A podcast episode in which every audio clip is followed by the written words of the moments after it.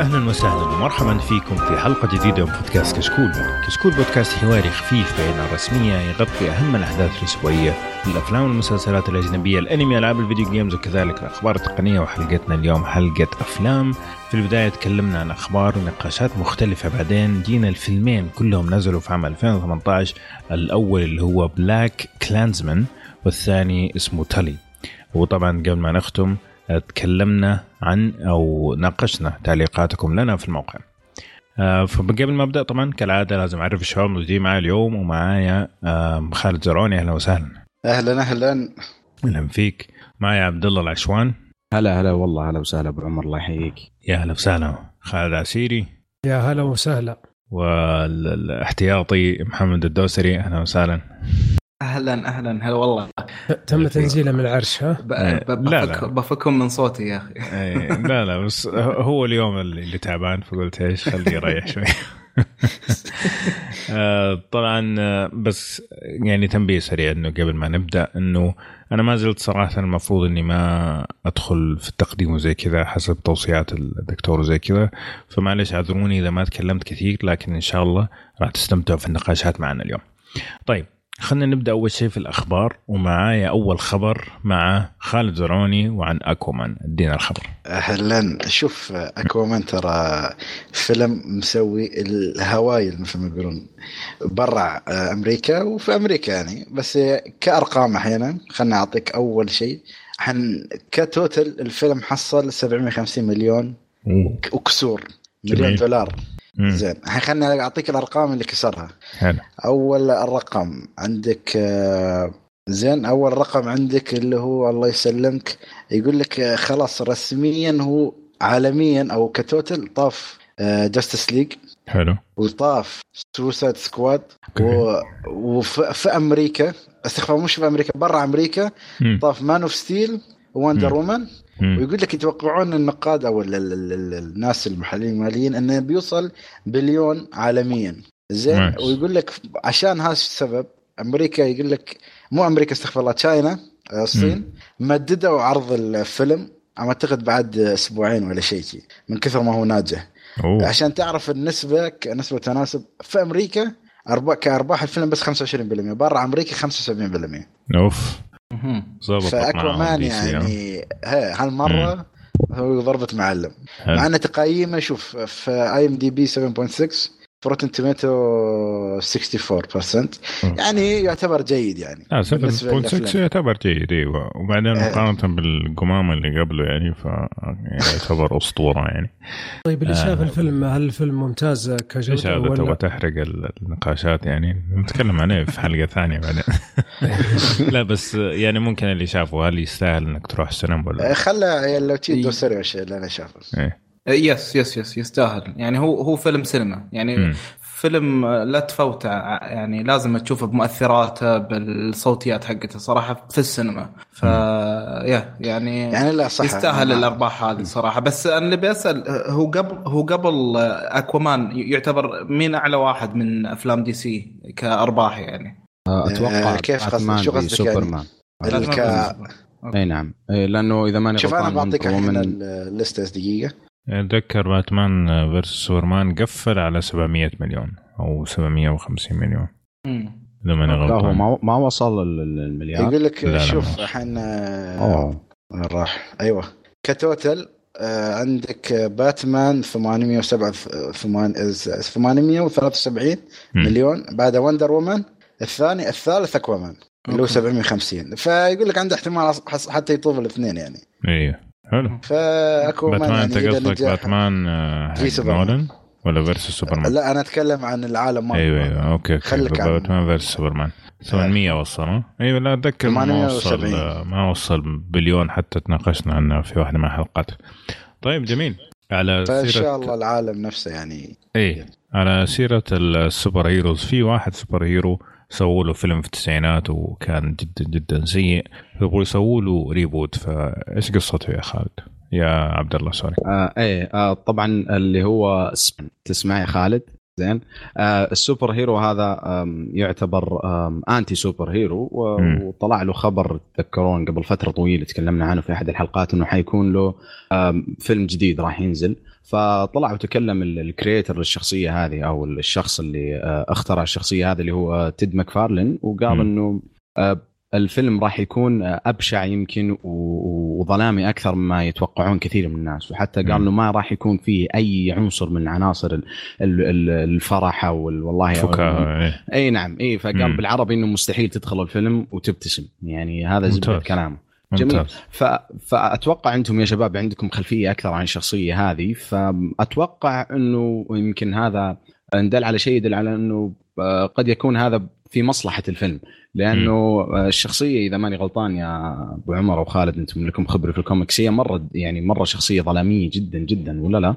صحيح أم. حتى حتى تاريخها ظلام يعني ك- ك back story للشخصية نفسها كقصة أصلية للشخصيه وايد ظلامية تعتبر إيه. بالنسبة للأبطال الخارقين الثانيين يعني صحيح. كويس. هو كويس إنه تود ماكفلارن آه، آه، ماكفارلين آه، م- م- هو اللي يعني زي ما تقول مشرف على الموضوع. لأنه أنت لما تسوي شخصية آه، تقدر تطلعها بطريقة مختلفة إنه لما تعطيها لأحد تقول يلا اكتب يعني. فكويس وأعتقد هذا اللي اللي خلى مارفل بشكل عام يعني تكون آه، مركزة وأفلامها وجودتها عالية. إنه اللي اسمه كيفن آه، الشخص اللي مشرف على كل أفلام مارفل. يعني هو اللي مشرف كيفن إنه كيف أيوه. كيف يركب القصص مع بعض متى ينزل هذا متى ينزل هذاك كيف جودة هذا كيف جودة هذاك. فوجود شخص من مارفل آه، ومطلع على كل زي ما تقول السلاسل حقت مارفل ويحاول يطلعها بأفضل شكل أعتقد هذا الشيء اللي ناقص دي سي. دي سي يعني مضايعين شوية بين انهم يبغوا يكونوا شوية فكاهيين يبغوا يكونوا شوية ظلاميين يبغى الفلتر الأزرق حقهم هذاك اللي يجيب القرف في السماء. فأعتقد هذا ناقصهم. واحد مشرف يمسك كل الأفلام كذا ويحبكها مع بعض. صحيح. جميل. آه، بس على طاري الفيلم آه، كنت بقول شيء يعني شو شوف آه، أحس اللي عطى دافع للفيلم إنه يرجع طبعا بعد الفيلم اللي سوى في التسعينات إنه خلاص سوق أفلام ال super hero ال R rated قام شوية ترجع بعد ولفرين ومش ولفرين اللي هو لوجن و ديدبول ديدبول فأحس هو شاف إنه في فرصة.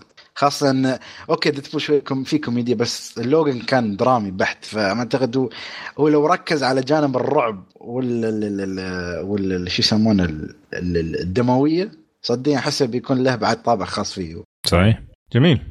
طيب على سيرة الأفلام اللي ما حترجع آه، أبو باسل إيش الخبر اللي عندك؟ طبعا طلعت إشاعات قبل فترة إن راح يصلحون sequels لفيلم القديم باك تو ذا فيوتشر مم. طلع المخرج اللي آه، اللي اسمه روبرت زيمكس وقال آه، الفيلم هذا كانت بي دان يعني تقريبا قفل الموضوع قال لا ما راح نصلح أجزاء جديدة منه وراح نكتفي بالفيلم اللي ص... اللي عمله في السابق. والله برافو عليه صراحة. أيوه يعني مسألة الحل بعض الأحيان ترى تخرب آه، الفكرة الجيدة عن الفيلم نفسه. لا يعني ما إذا ما في مجال يعني إذا ما في مجال إنه أنت تضيف على القصة ولا إنه بس حيكون حلب آه، أفضل إنه أنت ما تخرب زي ما تقول ال legacy أو التاريخ حق ال- الفيلم لأنه سلسلة باك تو فيوتشر يعني من السلاسل اللي محبوبة جدا والأفلام فيها مرة يعجبهم الناس. عن نفسي أنا حاولت أرجع أشوفه مؤخرا بس ما قدرت صراحة إني أخلص الفيلم الأول لكن أعرف ناس كثير مرة مرة استمتعوا فيه. يعني استمتعت عليه في استمتعت به في وقته بس حاليا ما ما قدرت صراحة. فاحسن بس لو تلاحظ. لو تلاحظ انه هو قال another sequel يعني. في احتمال reboot ولا شيء. فهل أنت مع فكرة أو هل الشباب أنتم يعني هل أنتم مع فكرة ال- إعادة السلسلة من الصفر يعني؟ مع ممثلين جداد مع قصة ممكن شوية تكون غير؟ ولا بس خلاص تبى تتبع الاصلي وخلاص؟ والله شوف هو آه، بعطي مجال للشباب بس هو باك تو ذا فيوتشر يتحمل التجديد. يعني أنت الآن لو تشوف مثلا التقنيات اللي كانت يتوقعوها في عام 2000 ولا 2001 ما أدري هي كانت كم أو 2010 يعني أغلبها في كثير منها ما صار فعليا لكن أغلبها الحين لما تشوفها تعتبر أشياء قديمة يعني أشياء اوريدي طلعت في التسعينات. ففي مجال للتحديث إنه يتخيلوا مستقبل مختلف آه، أو حتى لما يرجعوا للماضي يرجعوا لماضي أقرب منه مثلا الستينات أو الخمسينات. آه، بس إنه يغيروا القصة لا. كذا حيخربوها لأنه القصة جميلة جدا بس هو التنفيذ قديم ما عاد ينشاف بالنسبة لي يعني. آه، ممكن ما أعتقد ممكن مثلا reboot ولا sequel يكون مناسب يمكن reimagining للسالفة كلها. إعادة تصور آه، إيه يعني مثلا شوف جومانجي أنا ما تخيلت إني راح أدخل جومانجي بعد كل هالفترة بالشكل الجديد هذا وراح أستمتع فيه. آه فممكن مثلا reimagining للفكرة هذه اللي هو عادة التصور هذه ممكن إنها تخلق آه يعني قصة آه مو قصة بس مثلا آه تخلق آه plot معين يكون مناسب لل- للفكرة اللي هم أصلا يعني ماشيين عليها. صحيح أتفق معك 100% جميل. طيب آه، ما دامك معنا على الخط أعطينا إيش الخبر اللي عندك على نتفلكس يا محمد؟ اي يقول لك يا طويل العمر إن في أكثر من 45 مليون شخص شاهدوا فيلم بيرد بوكس آه، في أول أسبوع له من يوم نزوله. فهذا يعني يعتبر عدد ضخم جدا جدا آه، طبعا متفاخرين فيه يعني آه، وهو طبعا الفيلم يعتبر من بطولة آه، ساندرا بولك آه، من الشباب أحد شافه؟ أنا شفته بس يعني ودي أسمع إذا في أحد شافه. لا والله ما آه لا أنا- للأسف. أنا تفرجت على الفيلم الأسبوع اللي راح. آه، أوكي. كان آه، يعني كان فيلم فيه مشاكل كثير كثير مرة يعني. آه، أتوقع لو لو لو لو نبي نتكلم عن الفيلم في الحلقة ممكن يطلع كلام يمكن يخلي الناس ما يتفرجون عليه أبد. لكن مع هذا استمتعت فيه. يعني كان في بعض المشاهد اللي اللي كذا تحبس الأنفاس. ولكن الفيلم بشكل عام كان آه، ما أقول إنه سيء آه، ولكن كان في مشاكل كثير مرة. يعني استمتعت. فيه خاصة لو كان لك يعني مثلا بعض الذكريات مع الممثلين اللي في الفيلم ولا شيء زي كذا ممكن تستمتع فيه أكثر. بس آه، شو رأيك عبد الله بالتشبيه اللي يقولون عنه إنه أم، فكرته تقريبا نفس فكرة كوايت بليس يعني هل تقريبا نفس الفكرة ولا يعني شو شو القصة في الموضوع يعني؟ ليش هي- تقول الكلام في في تشابه بسيط ولكن أحس إنه آه، ال- ال- الخلط بين قصة ال- الأثنين أحسه إنه يعني شايف قصة الفيلم هذا أحسها فانتازية أكثر ولكن كوايت بليس كانت sci-fi يعني حتى إنه قال لك إنه مثلا آه، ال- الوحوش اللي اللي موجودين في الفيلم إنهم على أساس إنهم ايلينز أو شيء زي كذا. هنا كان كان أكبر عنصر للغموض في الفيلم إنه ال- ال- الشغلة المعينة هذه اللي تخلي الأبطالنا ما, يفتحون عيونهم أو يمشون وهم في ربطة زي كذا على على عيونهم. فهمت؟ فكان هنا الفيلم هنا إيش مشكلته؟ اللي من كثر ما هو عميق صار خايس. يعني من جد. حتى أنا مثلا أنا قريت بعض النظريات عن. عن إيش هو بالضبط هذا ال ال ال الوحش اللي موجود في الفيلم يعني كلها كانت أشياء okay أتقبلها ولكن كفكرة ولكن لما تيجي تحطها لي بفيلم يطلع مرة شيء بيض أحس إنه خطأ مرة إنك تشبه بينهم لأنه آه، يعني كوايت بليس كان أفضل بكثير بكثير مراحل يا رجل بسنين ضوئيه من هذا اي هم فعليا زي ما قلت أنت يعني ما يتقارنون. آه، خاصة انه يعني اللي ممكن كان مفاجئ بالنسبة لي شوي إن تقايمه ما تعتبر آه، يعني واو. يعني في IMDb محصل 6.8 في Metacritic محصل 52 ف آه، يعني لما تشوف ال- ال- التقايم حقته تقول إنه يعني المفروض إنه يكون فيلم عادي. وفعلا هو فيلم عادي ترى. يعني هو إيه فيلم من جد صح.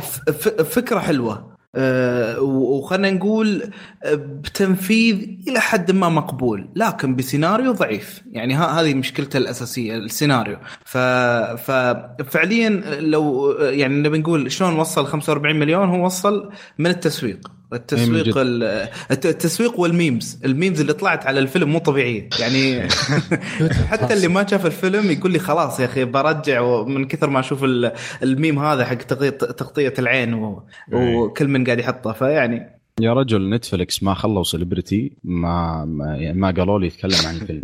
من جد والله يعني كذا لما أشوف ال timeline يمكن ما في celebrity كذا عنده فوق ال 20 30 مليون ما تكلم عن الفيلم. فكانت الحملة التسويقية الذكية اللي سوتها نتفلكس إنه ما هو مثلا آه، زي بعض مسلسلاتهم اللي يكون كذا الإعلان في اليوتيوب اللي أبو خمس ثواني. لا إنه جابوها آه، تعرف من الناس للناس. فهذا أتوقع السبب اللي خلى الفيلم يضرب في المشاهدات هذه. ورقم يعني جبار أتوقع بالنسبة لنتفلكس كأفلام. لأن يمكن أنه للأسف هذا هذا أكثر أكثر فيلم عليه مشاهدات من نتفلكس ويكون بالمشاكل هذه. آه، خاصة بأنه تذكرون في الحلقة اللي راح تكلمنا أنه آه، السنة الجاية أو سنة 2019 اللي إحنا موجودين فيها الحين آم، راح ينزلون 90 فيلم قالوا شيء زي كذا. ف يعني الشيء للأسف آه، يخليك تتشائم ولكن يعني ننتظر ونشوف. حلو. ممكن يطلع لنا أشياء جميلة زي ذا بالتس اوف باستر مدري إيش ولا. زي ماوغلي آه. مثلا يعني. أو زي ما عرفت صح فيلم أسطوري. طيب على سيرة الأفلام الأسطورية آه في آه فيلم من سوني اسمه هومز أند واتسون. طبعا ال- الفيلم يتكلم عن شخصية شارلوك هومز الشهيرة. آه طبعا هو بطريقة كوميدية من بطولة ويل فيرل وجون سي رايلي اللي دائما يمثلوا مع بعض. المثير, المثير في الموضوع إنه ال- الفيلم لما نزل ولفترة يعني بسيطة كان ال Rotten Tomatoes حقه صفر في المية. حلو؟ يا ساتر. صفر في المية. يعني شيء أسطوري فعلا. أسطوري في السوق إنه أول فيلم ياخذ صفر في المية. طبعا الحين ارتفع شوية وصل 8% لكن ما زال يعني فيلم تعبان. حتى تقييماته في الموقع الثاني 3.4 في IMDb 34% في جوجل وزي كذا. المهم فجزء من ال- القصة إنه كان نتفلكس كان المفروض إنهم يشتروا ال- الفيلم من سوني أوكي ويصير ينعرض عندهم. لكن بعد التقييمات التعبانة هذه يقول بطلوا. لك إنه بطلنا أيوه. يعني الإشاعات تقول إنه بطلوا. ما في شيء رسمي وغالبا ما راح نشوف شيء رسمي لكن غالبا ما راح نشوف الفيلم آه عليه علامة نتفلكس يعني. بس شكل أفلام آدم ستاندلر استوت جاد فاذر بالنسبة لهالفيلم. هو شوف أنا حقيقة الاثنين هذول مع بعض ما يعجبوني. يعني عندك الفيلم هذاك ستيب براذرز ستيب براذرز ما كان مرة. عندك آه، يعني سباقات بقول ممكن. ما أدري انكر مان هم مع بعض ما أتذكر. بس انكر مان كان لطيف. بس عندك في واحد لا مش أخي، مع بعض. ال- حق سباق السيارات. إيه ترى هذا من الناسكار ما أعرف شو اسمه. إيه حق ناسكار. هذاك الفيلم أظن قلت القصة هذا قبل كذا بس من جد سيء. أيوه. آه تلا تلا تلا ديجا نايتس ذا بالدز اوف فريكي بوبي الفيلم هذا نزل في 2006 2006 فلما اشتريت البلاي ستيشن حقي جاء معاه الله القديم اعتذر وأنا كنت شايفه قبل كذا. فطبعا إلى يومك بغلافه. يعني حتى حتى أبيعه ما قدرت أبيعه. ما رضي أحد يشتريه ولا ب 10 ريال تخيل. المهم فيعني قاعد اللي أحد المستمعين يبغاني اهدي له هو أبشر من عيوني طيب بس. ما أنصح ترى ما أنصح. لا إذا في واحد ما تحبه يا أبو عمر أعطه. اي خلاص تمام. خلاص. برسل لك شيء يا أبو باسل. بكرة إن شاء الله.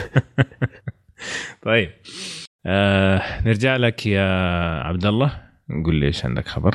إي نعم. آه، طبعا آه، آه، روب روب لايفيلد اللي هو ال creator لشخصية ديدبول طلع وتكلم قال إنه أنا أتمنى إنه أشوف راين رينولدز يرجع كشخصية كشخصية Green Lantern. زين؟ فالموضوع هذا يمكن شوية أثار الجدل. ما أدري أنا إذا يتكلم هو من جد ولا لا ولكن اللي مكتوب الخبر إنه تقدر تقول إنه شبه مستحيل. ليش؟ لأنه مثلا آه، ال- ال- النقله النوعية اللي صارت في في في ال career أو المسيرة المهنية لراين رينولدز من 2011 لين الحين. يعني شيء شيء مستحيل تماما إنه كيف كان كذا ممثل كوميدي أكشن لين صار الحين واحد من ال superstars مرة اللي اللي ما هو شرط إنه يكون مثلا في أدوار أوسكارية ولكن الناس تنتظر أي فيلم ينزل له حتى لو كان في دور بيكاتشو آه فعلا يعني هو. فعلا يعني دخل مرحلة السوبر ستار إيه فما أدري أنتم إيش رأيكم إنه ك... كرجعة راين رونالدز كجرين لانتر والله شوف أنا أقول Green Lantern أصلا شخصية كلبة. طيب. يعني فعلا شخصية سيئة. حتى في الكوميكس. هو خاتمها الخاتم الغبي حقه ذا من جد من أغبى الشخصيات اللي شفتها. فأنا ما أوكي. أدري. وبعدين يعني أنا أكره الفيلم هذا بزيادة. ليش؟ لأنه هو الفيلم الوحيد اللي آه، دي سي لما جو سووه وورنر براذرز ما حطوا عليه ما حطوا عليه الفلتر حقهم المعفن ده الغامق أوكي؟ أيوه. ولما مرة فشل قالوا آه شكله المشكلة في الفلتر يعني لا أصلا الفيلم كله لونه أخضر فلما تجي تحط عليه إيه. الفلتر الخايس حقهم كذا يا ساتر لا يعني بس إنه ما حطوا فلتر فقالوا لا شكله مشكلة لازم نرجع للفلتر حق نولن فمن يومها من هذاك اليوم ما أدري أكوامان كيف بس من يومها إلين آخر فيلم شفته ل DC كلها في نفس الفلتر ال- ال- ال- الغامق حتى. حتى أتذكر في مقطع في يوتيوب واحد ماخذ مقطع من سوبرمان أو Man of Steel ومسوي له تعديل حط فيه الألوان الطبيعية. يا شيخ مو فرق. يعني بس سوبرمان لما يطير في السماء طيب المفروض إنه السماء زرقاء والدنيا حلوة. في الفيلم لما تشوفها كأن الدنيا مغم مغيمه يعني فهمتني كيف؟ من جد صح. ففي كلمه على العموم بس ف ما أدري صراحة أنا أحس إنه انت حيكون خذيت داون جريد يعني. صراحة. فأنا برد صراحة. بس إنك تقول جرين لانتر شخصية كلبة آه لا لا أنا ما أرضى. والله يعجبك. والله يا أخي شو تبغي؟ واحد قدرته إنه يقدر يسوي أي شيء. ترى على فكرة من دي سي كنا نعتبره من المفضلين عندي جرين لانترن أوه أوف. okay. آه، يمكن نختلف إن نتفق. okay صح إن قدرته كلها على خاتم يعني لو قصوا اصبعه خلاص راح فيها. بس الأشياء اللي يقدر يطلعها من الخاتم ترى أشياء رهيبة. على حسب آه، تخيلك. أنا أعرف آه، يعني فاهم وجهة نظرك ليش تحس انك كلب ولا مم. ولا شخصية وضيعة بالنسبة للأعضاء الثانيين. بس يا أخي ترى okay ال version اللي كان موجود أيام اربعينات خمسينات كانت صدق version تعبان. بس يا أخي. الحين هذا ال version اللي أنا أشوفه خاصة إنه ما عند ما عندك واحد عندك مجلس أكثر من واحد، إي. هي يعني فعندك الشخصيات وألوان الخواتم يعني عندك مو بس أخضر عندك ألوان. اختار أنت أبيض أزرق أحمر أصفر برتقالي إيش تبغي أنت بس؟ okay. إيش تبغى؟ ممكن. احسن لا ممكن مؤخرا. شوف الحقيقة يعني انت أنت عندك نقطة جميلة جدا. أسوأ شخصية بدي سي أنا أشوفها أكوامان حقيقه لكن قدروا يطلع منه شيء كويس. ف يعني ما برضو ممكن, ممكن لأن جرين لانترن يا أخي قدرته إيه. okay. أنت تحسها بسيطة جدا. يعني okay واحد تخيل شيء يطلع. بس يا أخي أنت على حسب خيالك هذا شوف تطلع أنت. يمكن تطلع أشياء أسطورية. إيه. تطلع okay. أشياء غبية ترى في في في الكوميكس يعني الشخصيات تختلف على حسب شو ميوله يطلع الأشياء اللي هو يحبها ولا الأشياء اللي دائما يتخيلها يعني إلا من الأرض كلها أسلحة ورشاشات وآليين ولا من عوالم ثانية أكيد بيطلع الأشياء اللي هو شافها واللي هو اللي تخيلها لأن في, أيوه. في النهاية الإنسان ما يقدر يتخيل إلا الشيء اللي شافه عرفت؟ صحيح ما. يقدر يتخيل أشياء من العدم على العموم أنا ما أتوقع صراحة يسووا فيلم جديد لأنه هو كان واحد من أفشل الأفلام فما أدري إذا ورنر براذرز تبغى تأخذ آه شوف تبغى تأخذ. يعني آه. زي ما تقول آه، مخاطرة عليه مرة ثانية فهمتني؟ شوف أنا ما أدافع عن الفيلم أنا أدافع عن الشخصية لا لا أدري أدري والله أدري الفيلم أدري لا واضح كلامك مرة بس أنا بقول على الخبر يعني ما أتوقع أصلا إن ورنر براذرز حاطين في الخطة إنه يبغوا يسووا جرين لانترن لأنه والله الفيلم الأول مرة. كان سيء يعني كان في تلميح إنه يمكن يطلع بس مثل ما تقول يمكن آخر شخصية يقدمونها. okay. لأن الشخصيه تقدر تقول شايف كابتن مارفل تقدر تقول. إن شغلها كلها في الفضاء أو أو يعني مهماتها كلها في الفضاء تقدر تقول جرين لانترن نفس الفكرة يعني. وعشان حلو. شي يمكن يخلون آخر شخصية تتقدم. جميل. طيب على سيرة ورنر براذرز محمد عندك خبر عن إيه، ممثلك يقول لك المفضل؟ آه، نعم. الله الله. عندك الله لا المخرج المفضل. الله يسلمك بعد الله يسلمك. يعني بس حمستني منهم خبر. ذولا يا محمد. الله يسلمك زاك سنايدر آه، شكله في يوم كان متملل وقام ينزل صور behind the scenes حقت فيلم باتمان versus سوبرمان. وقام يرفع ببن أفلك يقول إنه هو the perfect باتمان. ال- ال- الباتمان المثالي بالنسبة يا سلام. إيه آه وطبعا آه، باتمان هذاك يعني زي ما تقول هو نفسه بن أفلك آه ما هو مقتنع فيه يعني شخصيا يشوف أنه مثلا ش- ما هو ما هو ما هو سعيد جدا بتأديته لباتمان فأكثر من مرة أنه آه دائما يلمح أن شكلي ما بكمل بالشخصية. أو ايا كان وهو نفسه من وهو هذا زاك سنايدر أنه ما أدري أظن قاعد يرفع له عشان ما ما ما, ما يكنسل إيه. ما أدري ما إيش جوه آه، يبغى فما أدري إيش. رايكم. إيش رأيك أنت يا محمد أول شيء؟ أنا أشوف والله- جورج كلوني أحسن باتمان حقيقة. لا هو قال أحسن باتمان بس. حق هازار هازار أحسن. ما عليك. لا بس صراحة يا شباب آه يعني آه الفيلم اللي هو طلع فيه باتمان اللي هو كان باتمان فيرسس سوبرمان كان أحسن شيء في الفيلم آه شكل باتمان أو أو الثيم العام للشخصية. أنا كان مرة معجبني لأنه يا أخي تعرف كذا أحس إنه هذا الباتمان الوحيد من ال- الثلاثة اللي كانوا قبله اللي هم كان آه، كريستيان بيل و اسمه اللي ما يتسماش هذا اللي سوى باتمان الأخير جورج كلوني ومايكل كيتن. أتوقع إنه بالنسبة لي كان في بالراحه واحد افضل كمان واحد. نسيته. مين؟ اللي يمثل سنتينل شو اسمه؟ أطلع لك اسمه الحين أيوه. لكن آه إنه كان كذا تحسه باتمان الوحيد فيهم اي لا باتمان الوحيد فيهم اللي كان جامع بين إنه أتكلم كشكل طبعا. آه ك ك آه كبروس وين وكباتمان. كان الشكل فيه كان جدا ممتاز صراحة يعني. حتى م. لما كذا لما صحيح كان في بعض المشاكل في وجه بنافلك لكن خلقة الله ما نقول شيء يعني. لما لما يلبس الماسك بس كان صراحة مرة معجبني يعني.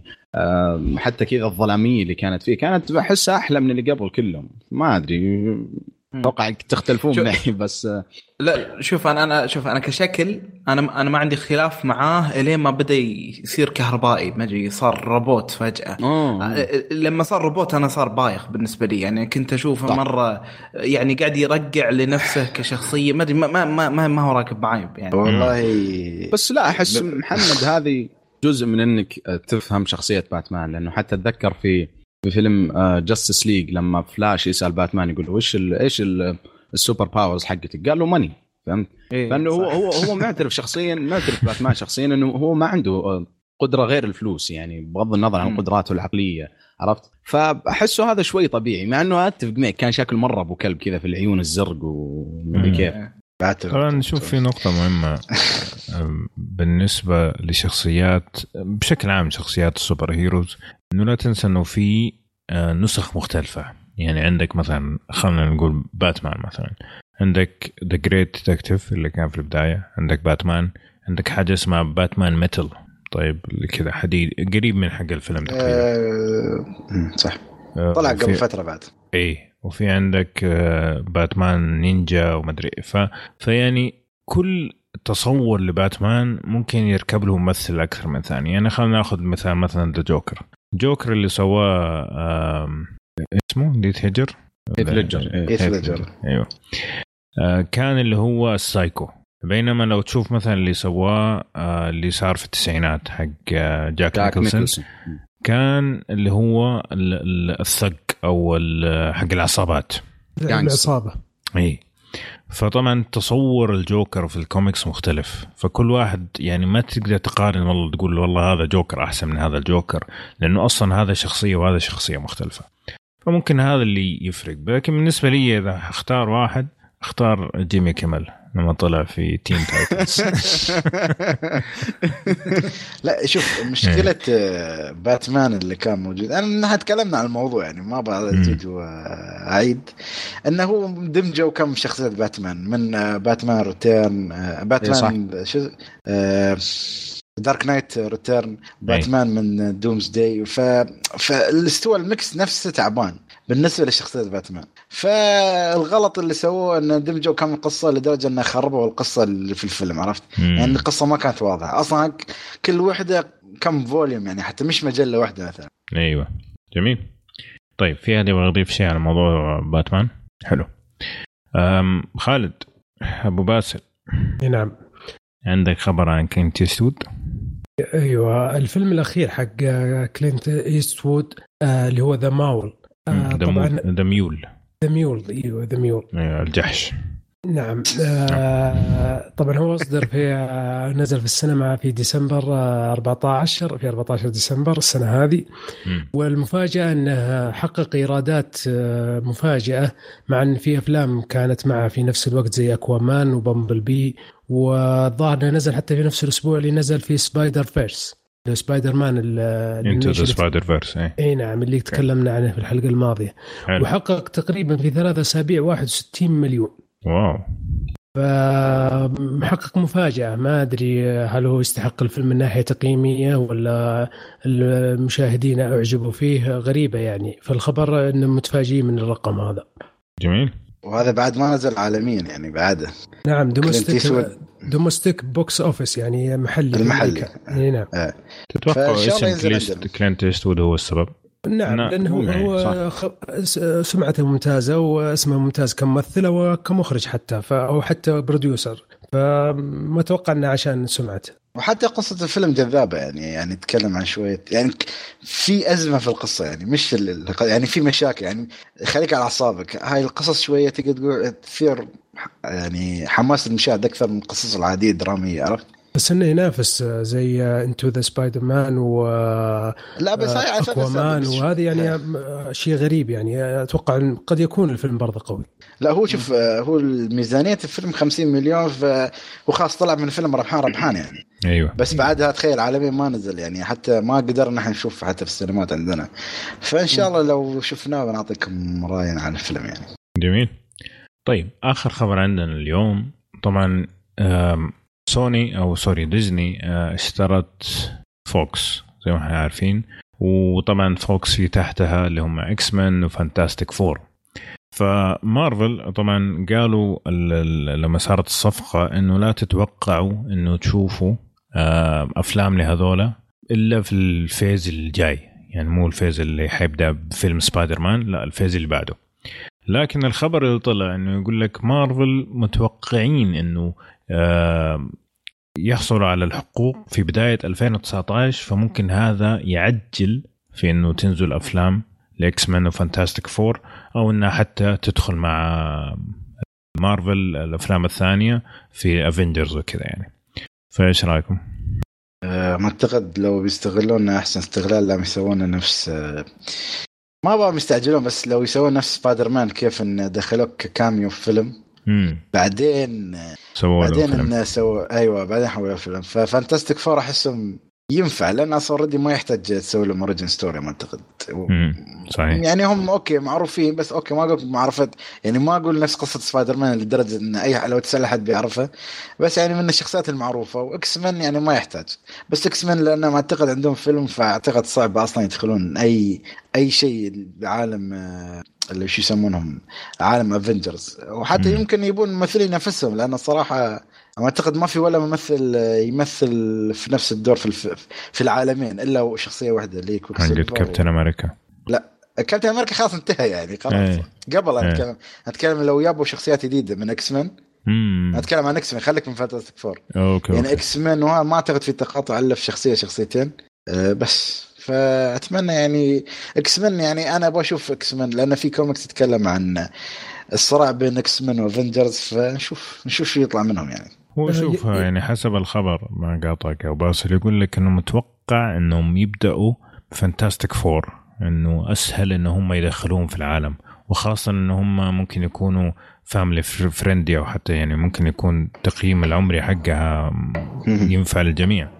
بينما X-Men عشان كثر الشخصيات وعمقها وزي كذا وإنه في ناس already متعلقين بالممثلين حق اللي كانوا يمثلوهم إنه ممكن ياخذ وقت أطول لين ما يقدروا يسووا شيء يستاهل إنه ينزل يعني يا أبو باسل ليش كنت تقول؟ آه، بالنسبة للكوميكس هل ال X-Men مترابطين ولا Fantastic Four مع ال Avengers أنا شفت مرة في ال تلدر أو channel network شفت لوجن مع هالك. هذا من في الكوميكس مترابطين آه. قصصهم في crossover يعني في حتى مرات في أنواع من ال Avengers يجي لك آه، اللي اللي لما تعرف لما مثلا ال A team أو الفريق الأصلي ما يكون موجود يمكسون أبطال خارقين يسوون فريق. في مرات تحصل هالشيء.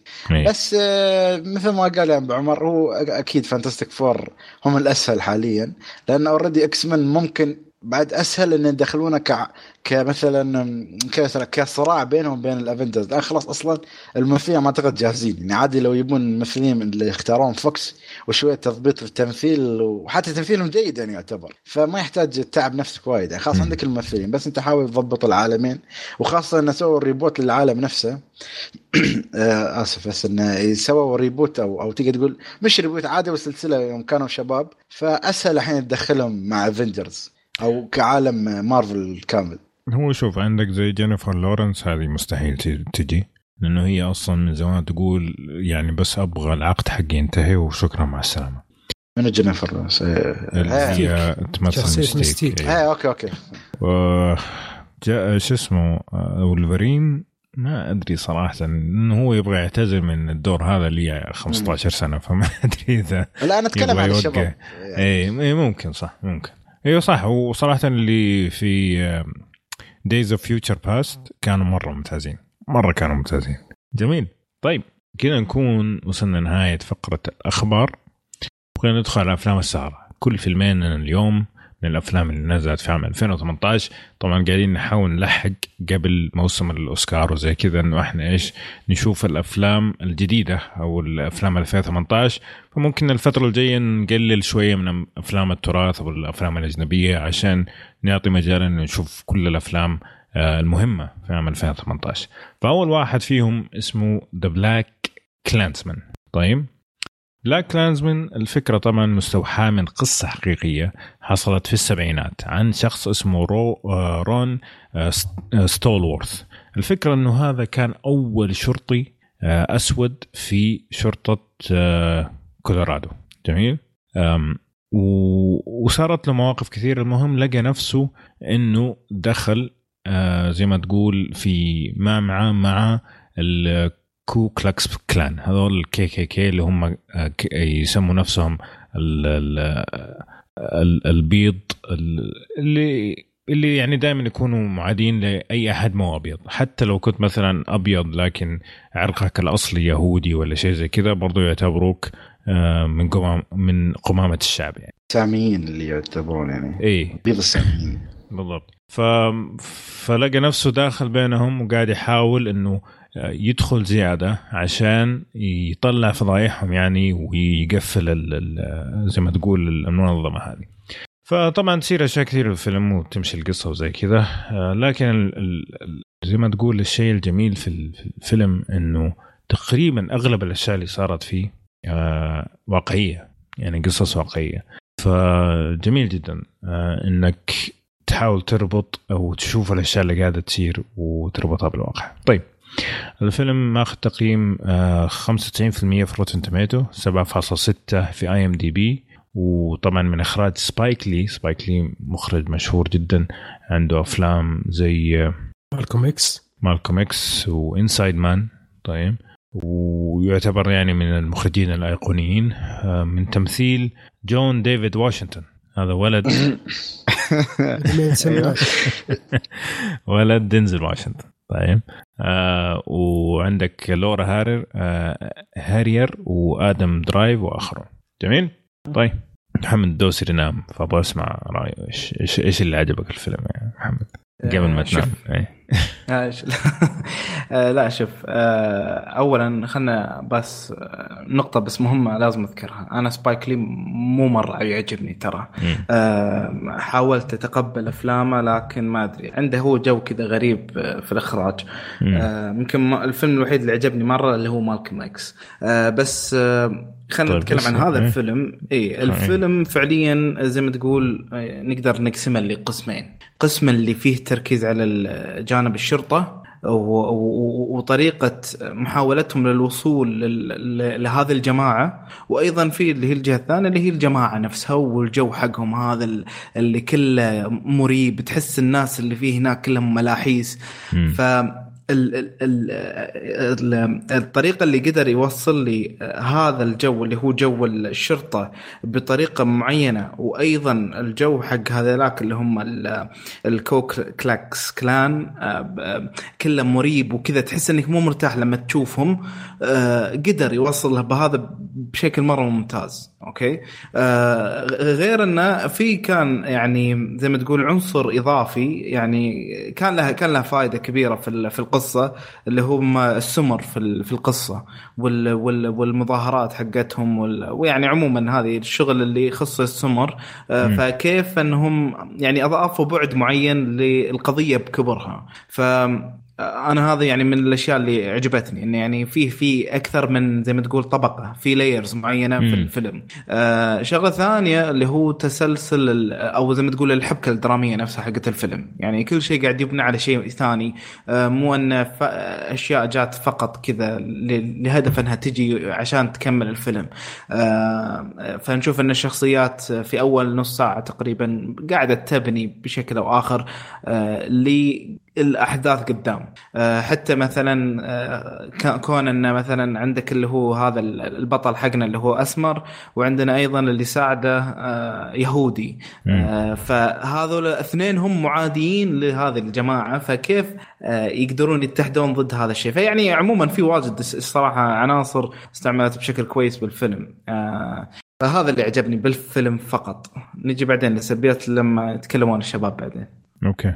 آه عبد الله؟ آه طيب تمام. يعني زي ما ذكرت في القصة إنه يمكن آخر نقطة وقف عندها محمد اللي هو الشخصيتين اللي تكون في آه في مواجهة اللي هو ال KKK هذا. اللي هو مم. واحد منهم آه، آه، من ال ال ال واحد أسود والثاني يهودي فأنا يعني بطابعي غالبا ما أحب الأفلام كذا اللي تكون تعرف فيها أقليات مثلا في مواجهة خطر معين أو سواء مثلا cult أو شو يسمونه أو طائفه يعني مثلا آه، زي ال KKK وآخرها مثلا كان Get Out الفيلم كان ما أبغى اشطح مرة بعيد كان حلو ولكن الفكرة هذه إنه لما يكون فئة معينة من المجتمع في مواجهة آه، خطر معين غالبا ما تشدني ابدا. وهذا الفيلم للأسف ما كان استثناء. يعني كان في أشياء جيدة. التمثيل أنا التمثيل جدا جدا عجبني صراحة. وجون ديفيد واشنطن آه، يعني ما هو ولد دينزل واشنطن ابدا من جد. يعني تمثيله ما إيه. كان أوسكاري ولكن كان جيد. صحيح. اللي فعلا فعلا كان جدا متميز يا أخي واللي احسه في كل فيلم نفس الدور أو أو دور مقارب. آه، ولكن مع هذا يظل يشدك اللي هو آدم درايفر أو شخصية ال- الشرطي الثاني اليهودي. آه، إي لما تشوف مثلا ال- طبعا هو يهودي فلما تشوف على أساس إنه آه، مع ال- الكلان إنه مثلا الاهانات اللي يتعرضون ل آم، آه، جماعتهم اليهود أو شيء زي كذا وكيف إنه يتغاضى عنها وكيف إنه وصل إلى مرحلة معينة من الاحترافية في شغله ك كشرطي كانت أشياء جميلة صراحة. يعني حتى التمثيل يمكن في أغلب آه، أعضاء ال- الطائفة هذه اللي يتذكرون يمكن اللي هو هذا ال- القزم شوي السميني اللي كان موجود في فيلم أيتانيا. هذا كان كان كان خرافي صراحة في كل الفيلمين مع إنه في الفيلم هذا دوره أقل ولكن كان يعني كان جبار في مم. أيتانيا. فلا زال هنا برضه أعطاك نفس التمثيل الممتاز. ف يا يمكن هذا أغلب شيء بالنسبة عندي في التمثيل للأسف. حتى يمكن أتفق معك محمد سبايك لي ما كان يعني ما كان هذا واحد من أفضل أفلامه. يعني كان يمكن ما في الا لقطة لقطتين إخراجية هي اللي جميلة. آه، الثاني كان لا يعني حتى في أسلوب اختياره للسرد القصصي كان ممل شوي. إيه صحيح. فايام خالد؟ شوف آه، والله يعني الشباب يعني ما قصروا بس شوف أنا يمكن أختلف قليلا يعني. أه خليني أول شيء أتكلم يعني آه، خلي فكرة الفيلم معروفة عن العنصرية والأشياء بس أحس يا أخي الخطابات الموجودة في الفيلم مؤثرة بس مش حقي أنا يعني. لأن أنا ما ألتمس القضية هاي بأي نوع من الأنواع. بس تحسها حماسية من من الطرفين بعد مش من طرف السود بس. حتى البيض بغض النظر إذا كانت صح أو خطأ على كان إذا اساسه واضح ولا مش واضح ولا بناء على غباء ولا أي شيء. المهم بس انه في حماس. وحتى تشوف آه، كيف أقول لك آه، اللي هي وجهة أو أو أو تفاعل الجمهور مع الخطابات. بس طريقة تصويرها شوي كان تعبان في أحد الخطابات اللي كان تقريبا أول خطاب.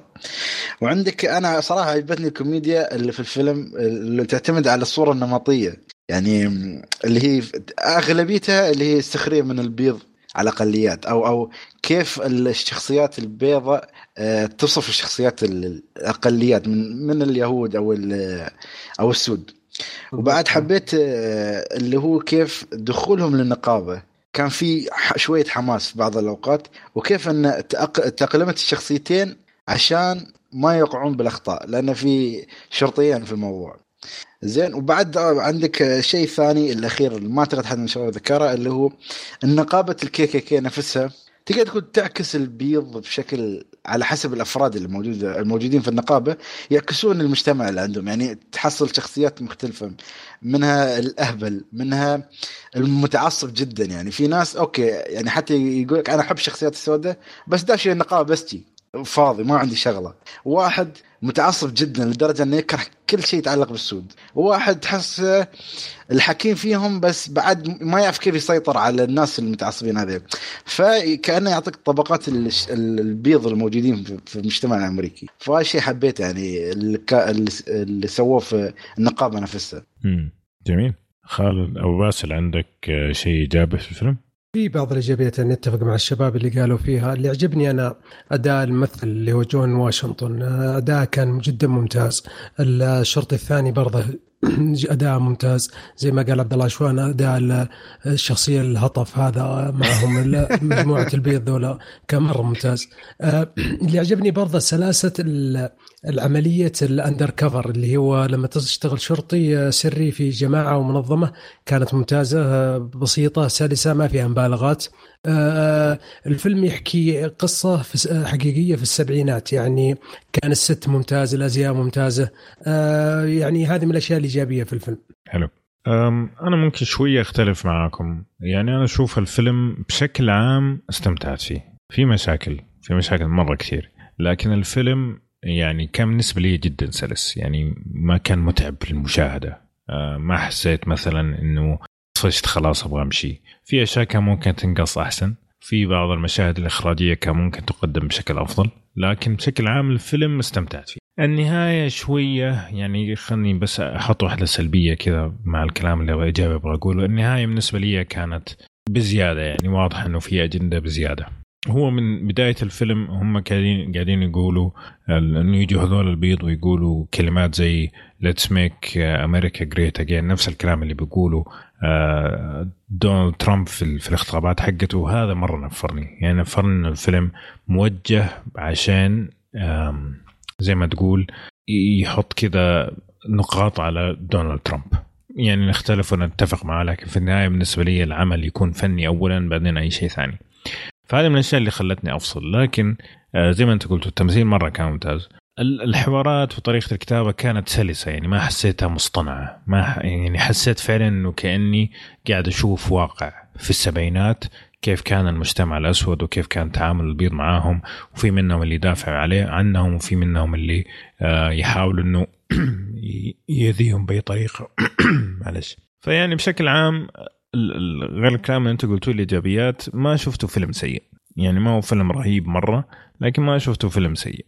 آه بس yeah. ممكن أقول شيء بس قبل ما نروح السلبيات أنا عارف لأن شكله في سيد جلد هناك. بس في نقطة اللي هي أنت ذكرتها على اطار الحوارات. في بعض المواقف اللي يكون فيها الشخصية تحتاج إلى ارتجال. مش ارتجال من ناحية أنه يحتاج يرتجل في الفيلم نفسه لا. الموقف نفسه مكتوب بطريقة أنه لازم يرتجل في اللحظة فحتى كتابة الحوار نفسه ساعدت الموقف هذا يستوي بطريقة سلسة جدا يعني. تحس كأنه صدق واقع في مصيبة ويحتاج إنه يطلع كلمه يصرف نفسه إي. أيوه بطريقه يصرف. نفسه بطريقة. صحيح. بس في نقطة ثانية قاعد أذكرها اللي هو الممثل الرئيسي اللي هو دنزل واشنطن. أي. ما تحس مرات صوت أبوه يطلع؟ يعني أنا, أنا شفت أنا شفت دنزل واشنطن في بعض المشاهد. نفس الحركات. إيه. نفس نفس الصوت نبرة الصوت. صراحة ممثل جيد. يعني صراحة إيه. أتنبأ له مستقبل يعني متمكن أحسه إيه. متمكن واثق من ممكن يعدي أيوه كمان في اي لحظة من اللحظات أتوقع نعم, نعم. آه، أتفق معك خالد آه، زرعاني. فعلا يعني هذه الأشياء برضه من الأشياء اللي حطها أنا عجبني صراحة يعني شوف خلينا نرجع لسبايك لي. أنا ما يعجبني سبايك لي. وفي مشاهد إخراجية قاعد أقول إيش قاعد تسوي أنت؟ إيش فيه فعلا. إيش العفانة هذه؟ يعني شغل يوتيوب أحسن من كذا. طيب. وفي أشياء مصر عليها إنه هذا والله التريد مارك حقي من 20 سنة وزي الزفت. فأعتقد صحيح صحيح. أعتقد هذه المشكلة الكبرى في الفيلم. يعني لو أنت تركز في كل شيء ثاني خليك من الجند اللي في آخر الفيلم. يعني هذه خربت الفيلم بنسبه كبيرة بالنسبة لي. اللي هي الأخبار الحقيقية اللي طلعت هذه في نهاية الفيلم مرة كانت سيئة. لكن تشوف كل شيء ثاني لو كان إخراج أفضل من كذا أنا أتوقع هذا الفيلم ما كان راح يكون جيد زي ما أنا أتوقع. أتوقع إنه يكون ممتاز جدا. تصدق كان ممكن يلعب يا أبو عمر ولا مقطوع كلامك زي فيلم American Gangster كان ممكن يلعب بالطريقة أفضل يعني يصير أسطوري الفيلم. لكنه زي ما قلت خرب المخرج. فعلا. طيب سلبياتكم محمد. أنا تبغى ابدا أنا أبو خالد. عندي روح روح روح يلا. لا روح روح روح. أول شيء بالنسبة للفيلم كبداية ك general idea كمعلومة عامة. م. قصة الفيلم قصة local خاصة بأمريكا ما تهم الناس الثانيين. يعني كأنك صلحت فيلم كأني أنا خالد صلحت فيلم عن عدم قيادة المراه في السعودية. الناس الثانية ما يهتمون لأن هذه مشكلة ما هي عندهم. فالفيلم محدود بقصة موجودة في أمريكا. الحاجة الثانية الفيلم أجندة واضحة أجندة واضحة يعني جايب لي قصة حقيقية في السبعينات ويدخلها في راسك بالملعقة وينزلها على قصة في عام 2017 في نهاية الفيلم يعني إلا إن يعني إلا تشوفونها غصب وتأخذون يعني صدق خرجتني من الفيلم. آه كان ممكن يعطيك هنتات بسيطة آه عن العنصرية والأشياء هذه. لا يعيد ويكرر في الفيلم. ي- لقطات يعيد في ذا.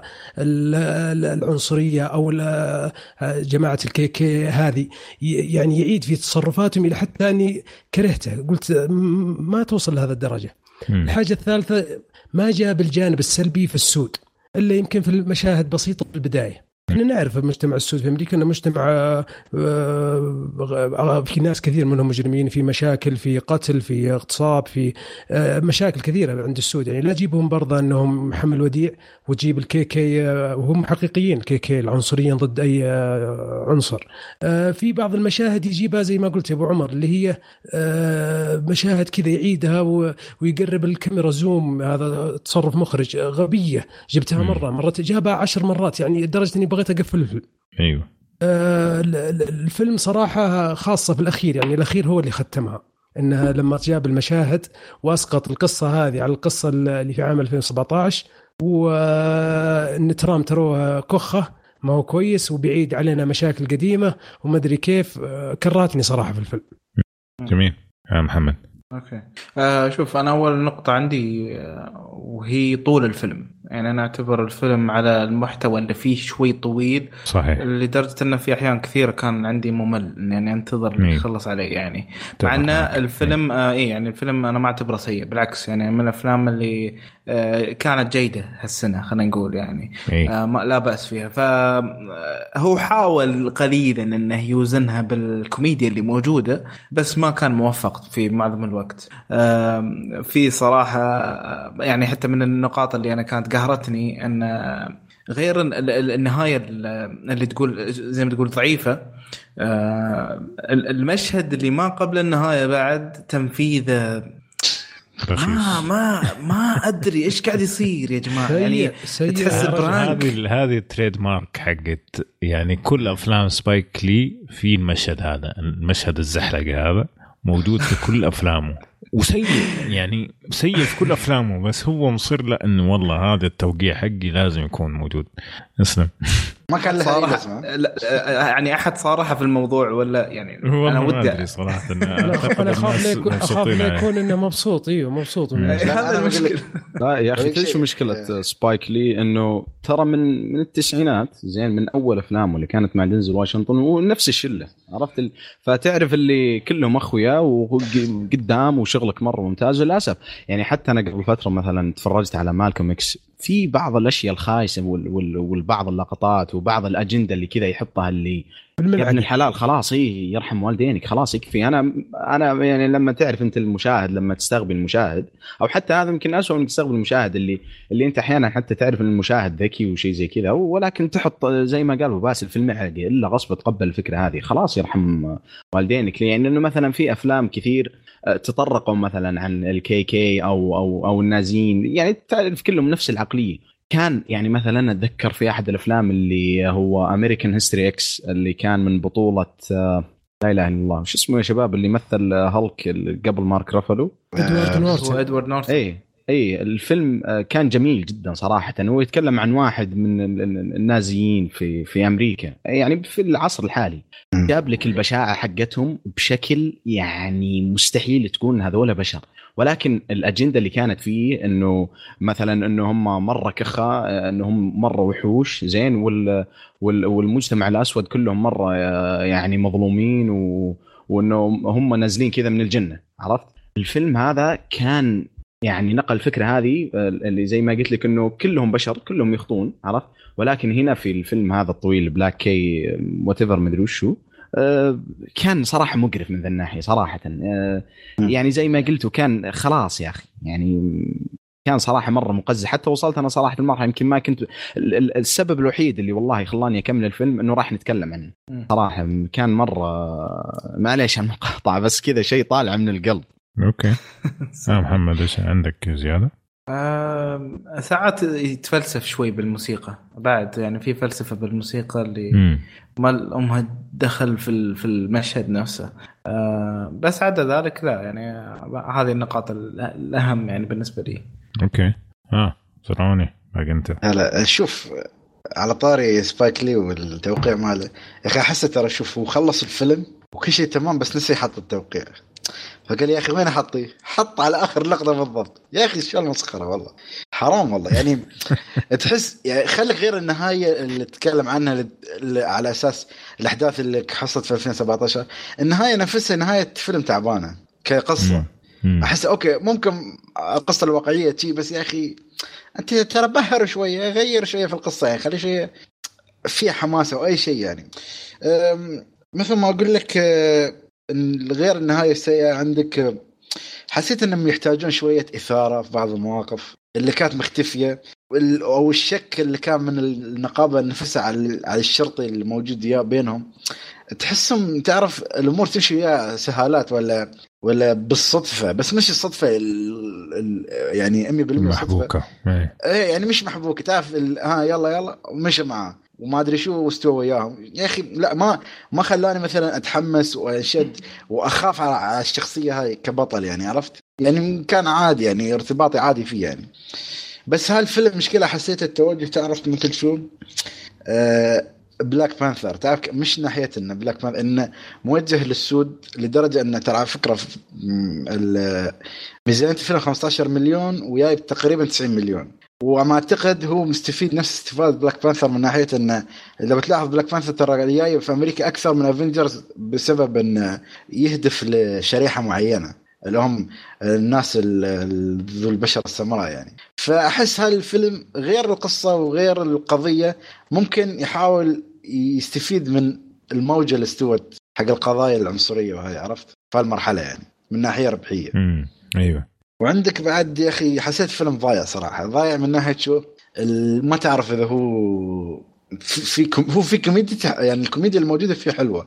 بس ما اعرفوا هل هو طابع درامي كوميدي يعني. أحس شوية صار لك كوميديا وساعة كامله ما في كوميديا عرفت؟ بعدين شوية دراما. بعدين رجع شوية لقطتين كوميديا وخلاص. يعني ما في balance واضح وما في توازن في هذا الشيء. فهاي واحدة من السلبيات اللي ما عجبتني صراحة. okay. طيب يعني نفس الكلام اللي أنت أتوقع كلنا متفقين في بعض إيه. في ضع- في سلبية تذكرتها الحين أبو عمر معلش.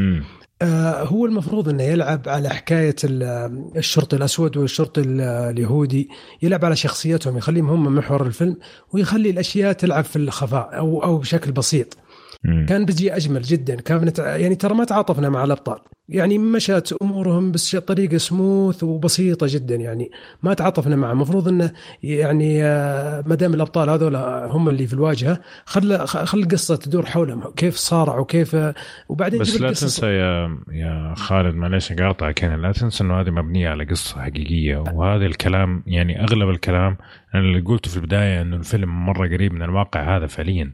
ممكن في أشياء بس ما بقولها عشان تحرق لكن فعليا هو الشخص اللي هو رون رون ستالورث هذا اللي اللي قاعدين يمثلوا شخصيته هذا كلامه اللي كان مكتوب في القصة زي ما هي فممكن. هذه ما تعتبر سلبية كبيرة لأنه يعني كانوا قاعدين يحاولوا يكونوا قريبين للواقع صحيح صحيح أكثر حتى. في حتى في في نفس الفيلم مصداق لكلامك مم. حاجة غير منطقية اللي هي لما صار يصير undercover عن طريق التليفون آه ما هي منطقية يعني أنا ما بلعت ال- الموضوع ذا إلا عرفت إنها قصة حقيقية. انها, إنها صارت. ولا, ولا ما هي منطقية أيوه أيوه طيب فممكن نتفق إنه مثلا الإخراج كان ممكن أفضل وإنه الفيلم يعني كان ممكن يكون أقصر. أنا لما شفته في ساعتين وربع صراحة يعني قلت إيش حيسووا؟ وفعلا إيش إيش سوى يعني فعلا كان ممكن يروح من الفيلم نص ساعة يكون أفضل من كذا كثير. مم. بعطيك بس لقطة آه، بذكرك فيها اللي هي لما تم يتكلمون عن أفلام السود. مم. ما كان لها أي داعي. امم عرفت؟ يعني يمكن عشر دقائق بس يتكلمون وهم ماشيين على الجسر لو أنت تتذكر اللقطة. اي حسيت ما لها أي فائدة لا في الحبكة ولا في القصة. ممكن بس يخلي الناس أو الناس اللي كانت تشوف الأفلام خاصة للبشرة السمراء. يذكروا أفلامهم بس بس كمشاهدين عالميين. يعني ما لنا علاقة بالقصة ما استفدنا ولا شيء صراحة يعني. أوكي. طيب ف الفيلم آه، طبعا آه، بس في معلومات عن الفيلم. ميزانيته 15 مليون آه، جاب في ال- آه، شباك تذاكر الأمريكية 48 مليون وفي ال- العالمية 40 مليون يعني ال total كان 88 مليون فيعتبر فيلم ناجح جدا. وأعتقد واحد من أنجح أفلام سبايك لي إذا ماني غلطان. ليش. أحس الفلوس هذه حرام ما, ما يستاهل. لكن آه، خلينا نجاوب على الأسئلة المعتادة هل الفيلم فيه تعري؟ لا. يعني لا لا ما في ما أذكر. لا لا. ما أعتقد لا ما أذكر. طيب هل لا إله إلا الله. هل في بداية كلام؟ في. في في. السبعينات. فترة السبعينات. ينفع المشاهده الجماعية؟ لا. لا. لا ابدا. أوكي. فيلم يعتبر فيلم خفيف؟ لا, لا. ثقيل ثقيل لا, دم أحس ثقيل دم غير وثقيل غير. لا لا هو ثقيل دم. لا لا ك... كمعقد وكذا لا لكنه ثقيل دم.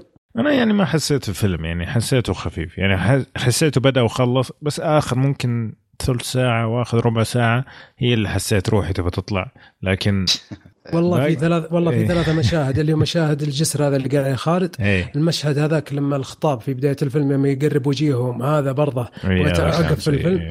لما يجيب لك مشاهد من KK لما يركبون الخيول ويمشون و...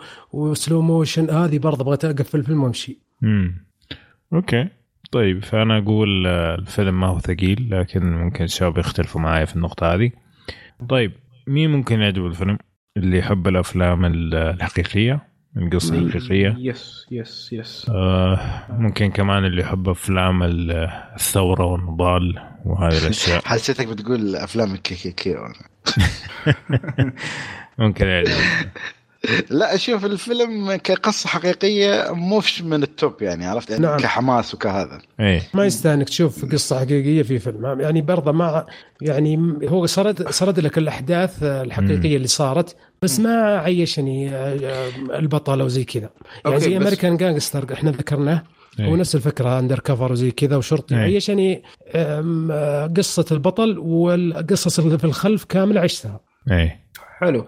بس يا باسل يعني هو التركيز أنا أحس آه، حتى من اسم الفيلم انه بلاك كي كي كلانزمان ف الكي كي كي ما ما وص- ما وصلك آه، يعني ال- ال- اللحسة اللي موجودة في هذه الجماعة ولا لا؟ وصلت هي وصلت بس ب... إيه. يعني وصلت ب... بسماجة بسماجة طيب هو أصلا في في إيش في أفلام أو مسلسلات طرحت ال KKK سابقا أصلا؟ آه، American X اي صح آه. زي ما اي امريكان آه عندك ال Time to Kill أعتقد كان يتكلم عنهم طريقه آه. يعني يا, يا يا. رجال فيل- فيلم 3 Billboards اللي تكلمنا عنها في حلقة سابقة جاب لك حكاية العنصريين واللي يكرهون السود بطريقة مرة ممتازة بسيطة لا بس. عن محمد بعتقد يسأل عن KKK بس بشكل عام إيه. ولا يعني ال KKK إيه بس إيه لا أنا نتكلم مسكت. على منظمة مختلف تماما مم. والله شوف أنا يعني أنا ممكن أختلف معك ابو باسل في هذه النقطة وطبعا هذا ممكن تكون يعني فين نايف مو خليه يسجل إيه؟ أنت مع أنت مع ال KKK ولا يعني؟ إيه إيه. اعترف؟ نكس ولا إيش؟ okay. والله ما ما يقبلوني مع الأسف يعني بس زي اليهودي. أنا هم ما أروح. قبل اليهودي. لا بس أنا شوف أنا الفيلم أقدر أقول إني بشكل عام استمتعت فيه. عارف إنه في مشاكل وعارف إنه ممكن يكون أحسن من كذا مليون مرة. لكن أنا بالنسبة لي هل مثلا شفت الفيلم وقلت يا أخي ضيعت وقتي؟ لا. آخر الفيلم ال- إنه خ- صار مركز بروباغندا وكذا هو اللي مرة نرفزني في الفيلم. لكن إلى آخر ربع ساعة مع المشاكل اللي فيه أنا مستمتع بالفيلم. يعني المشاهد زي حقة الوجيه هذه مرة نرفزتني لكن هو كويس إنها ما كثر منها. بينما مثلا مشهد المشهد هذا حق حق الوجيه اللي تطلع كذا الإخراج فيها أبو كلب الكلام اللي كان بينقال كان جميل جدا صراحة. كان فعلا قاعد أستمع لل- لل- للخطاب المكتوب اللي كتبوه للفيلم لدرجة إني شوية نسيت موضوع الإخراج السيء اللي كان فيه. ففي أشياء في الفيلم بالنسبة لي كانت تستحق المشاهدة. التمثيل كان من الأشياء اللي فعلا يعني تشوف تشوف كيفهم طبيعيين وكي على قول خالد إنه تحس إنه الكلام مرتجل أو الحوارات مرتجلة. هذه كلها يعني دخلتني جو الفيلم حقيقة. فهل بالنسبة لي هل تقول لي أنصح في الفيلم ولا ما أنصح؟ والله أنا أنصح. ما يعني بس ما أقول لك إنه مثلا أتوقع إنه يكون فيلم أسطوري أتوقع إنه يكون فيلم جيد لكن ممتع. خلينا. نقول يا محمد. إيه لا أتفق معك تماما. واقدر يعني حتى من ال ال الأفلام اللي أقدر مثلا أعرف أروح لأشخاص معينة وأنصح فيهم. يعني مم. إذا أعرف جو الشخص هذا مع الأفلام. أيوه. بس مو من النوع اللي أقدر أوه والله روحوا وشوفوا الجميع. مرتاحين تعجبكم. إيه. صحيح. مم. خالد؟ آه، شو آه، أنصح فيه. أو باسل ما أنصح. عبد الله؟ لا للأسف ما أنصح صراحة. طيب ثلاثة من خمسة. هذا تقييم كشكول. شوف بس أنا عندي سؤال مو تقييم كشكول آه، تقييم أبو عمر هذا. ليش؟ ثلاثة اصوات من خمسة يعني ما ما يبي له إيه، هذه اتفقنا من قبل إحنا يا أبو باسل. خلاص بس. آه، أقول لك بس يا شباب بسال سؤال يعني بما انها هي أفلام تقريبا متكلم عن الفترة كلها عن أفلام في 2018 بس حبيت أضيف سؤال. إيه. تتوقعون هل يسوي شيء في الأوسكار أو كترشيح أو يعني ممكن من كل عشان النواحي. عشان ال... عشان عشان- الرسالة اللي فيه فقط. سياسيا. سياسيا بيترشح. أيوه. بس والله يستاهل. وجون واشنطن يستاهل ك من. nominees من nominees لافضل ممثل. يعني. أيوه. بس ما ياخذها يعني ما يستاهل. لا خلينا نتكلم عن أخي. ترشيح. يعني هل يترشح ولا شيء؟ اي نعم. ما- بس ما اتكلم أنا أنا صراحة ما استغربها حتى لو فاز الفيلم في الأوسكار. يعني أوف. اي والله. لا لا عادي كافضل فيلم؟ ما أتوقع ك- ترى ترى على فكرة ما أغلب هوليوود ما يحبوا سبايك لي. وهو غبي أصلا. لأنه أتذك أنا ما أتذكر عنه إلا قصة واحدة. يعني فعلا اللي كذا عالقه في مخي. لما طلعت قناة آه، في بداية الألفينات اسمها Spike. طلعت قناة اسمها Spike. قناة كذا ترفيه يعني. Spike TV. طيب قام رفع عليهم قضية. قال لا أنتم يعني ت- ت- تاخذوا اسمي الأول اللي هو من سبايك لي وهذا ممكن يسوي زي تسويق لكم مجانا وزي كذا. طبعا خسر القضية على وجهه لكن دائما أتذكر البلاهة هذه حقته. فما أتوقع إنه يفوز أفضل مخرج ولا أفضل فيلم عشان هم مو أصلا ما يحبوا سبايك لي فممكن يكون في عنصرية على الشخص نفسه يعني. أحسن. صحيح بس إنه وما يستاهل يعني. بس إنه في النهاية الفيلم أنا أقول لك السبب اللي يخليني أتوقع إنه يفوز إنه كذا آخر 20 دقيقة ربع ساعة اللي كانت كذا فيها الدق على ترامب عرفت؟ إيه. خاصة إنه نعرف إنه حتى الحين في ال في ال في ال talk shows وهذا مستحيل تمر فقرة معينة أو شيء معين أو أو الأعمال اللي تطلع من هوليوود ما يكون فيها مثلا ذب على ترامب أو أي. مثلا يعني مثل قبل فترة أنا شفت في أحد ال talk shows جايبين آندي سيركيس جالس يقرأ أحد خطابات ترامب بصوت آه، جولم فكمية الطقطقة اللي على ترامب إيه. آه، ما حتى والله أنا زي ما قلت لك ما استبعد مرة يفوز يعني فاز Moonlight والحق السنة اللي راحت حق السمك ذاك والله نسيت شو اسمه. Shape of Water فيعني ما إيه. غريب على هذا الفيلم يفوز. قصدك الضفدع. إيه. طيب يعطيكم العافية شباب. طيب خلينا ننتقل لفيلمنا الثاني اللي هو تالي. آه فيلم تالي يحكي قصة آم عندها طفلين والثالث جاي في الطريق. الفكرة بكل عام إنه زي ما تقول يصور معاناة الأم خاصة لما يكون عندها عندها طفل يحتاج عناية بزيادة عنده توحد أو شيء زي كذا وعندها طفل صغير وعندها طفلة كبيرة. فزي ما تقول يحاول إنه يجسد المعاناة حقت ال- الأم في هذه الأمور.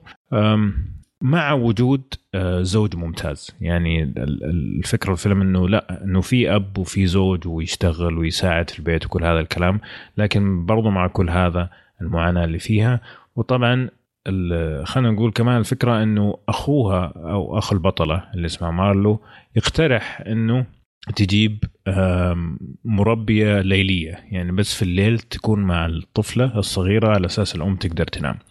فطبعا القصة خلينا نقول تسير بين الأم وبين المربية بطريقة غريبة وفيها نوع من الريبة يعني. خلينا نقول كذا بس تمام؟ الفيلم طبعا من بطولة شارليز ثرون آه، رون ليفينغستون وآخرون ومن إخراج آه، ديابلو كودي اللي أخرج أفلام آه، زي Juno و Jennifer's Body وأفلام ثانية. Okay؟ تقييم الفيلم سبعة من عشرة. في IMDb 85% في Rotten Tomato وال budget حقه مو هو واضح لكن مدخوله في السينما كان تقريبا 9 مليون محليا و6 مليون عالميا يعني كله على بعض 15 مليون. okay؟ okay. طيب خلني أبدأ معك عبد الله. ما سمعنا صوتك كثير في ال- في الفقرة اللي فاتت فقل لي إيش اللي عجبك الفيلم؟ تالي. تمام. آه، بداية كان الفيلم صراحة في في الجزء الأول أنه يحمل رسالة عظيمة جدا كانت صراحة بالنسبة لي.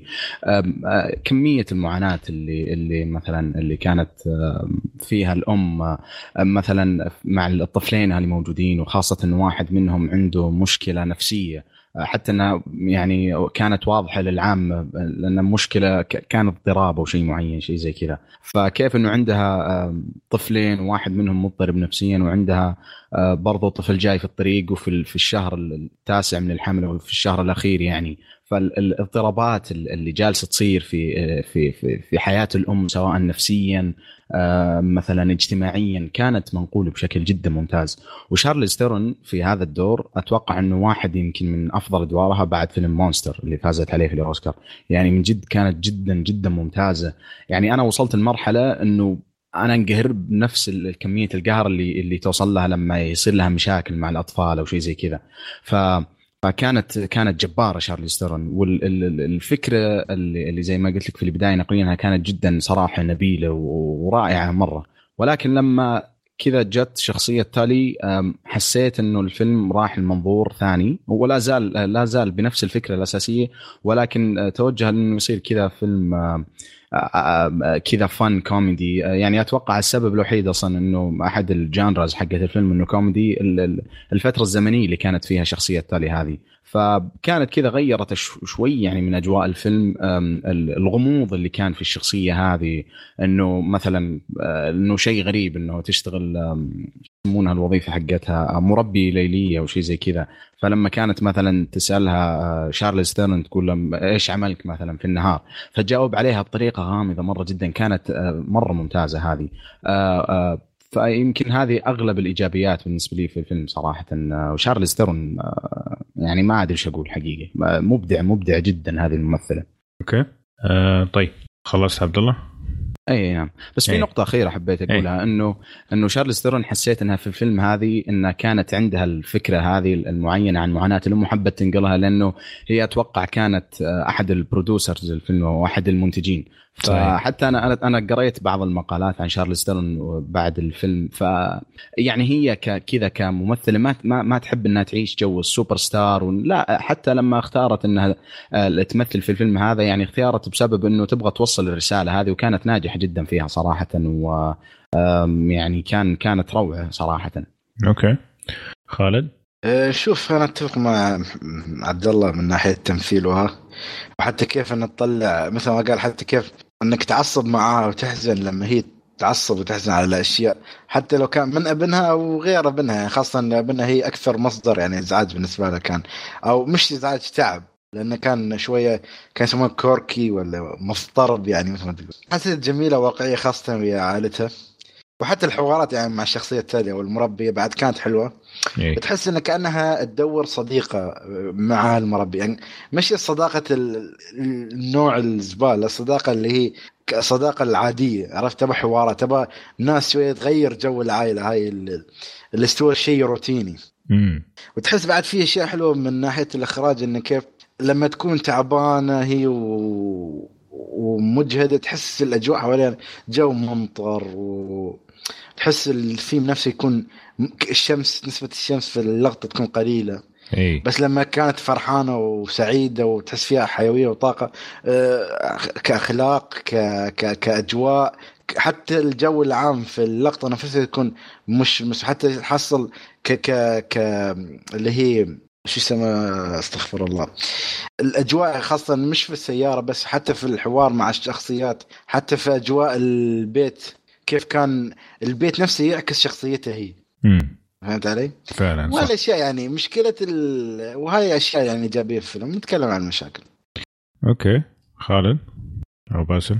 بالنسبة للفيلم صراحة يحكي قصة عظيمة اللي هو معاناة الأم لما تكون حامل أو يكون عندها أولاد وتتعب معهم خاصة إذا كان في أحد من الأولاد مريض أو شيء زي كذا.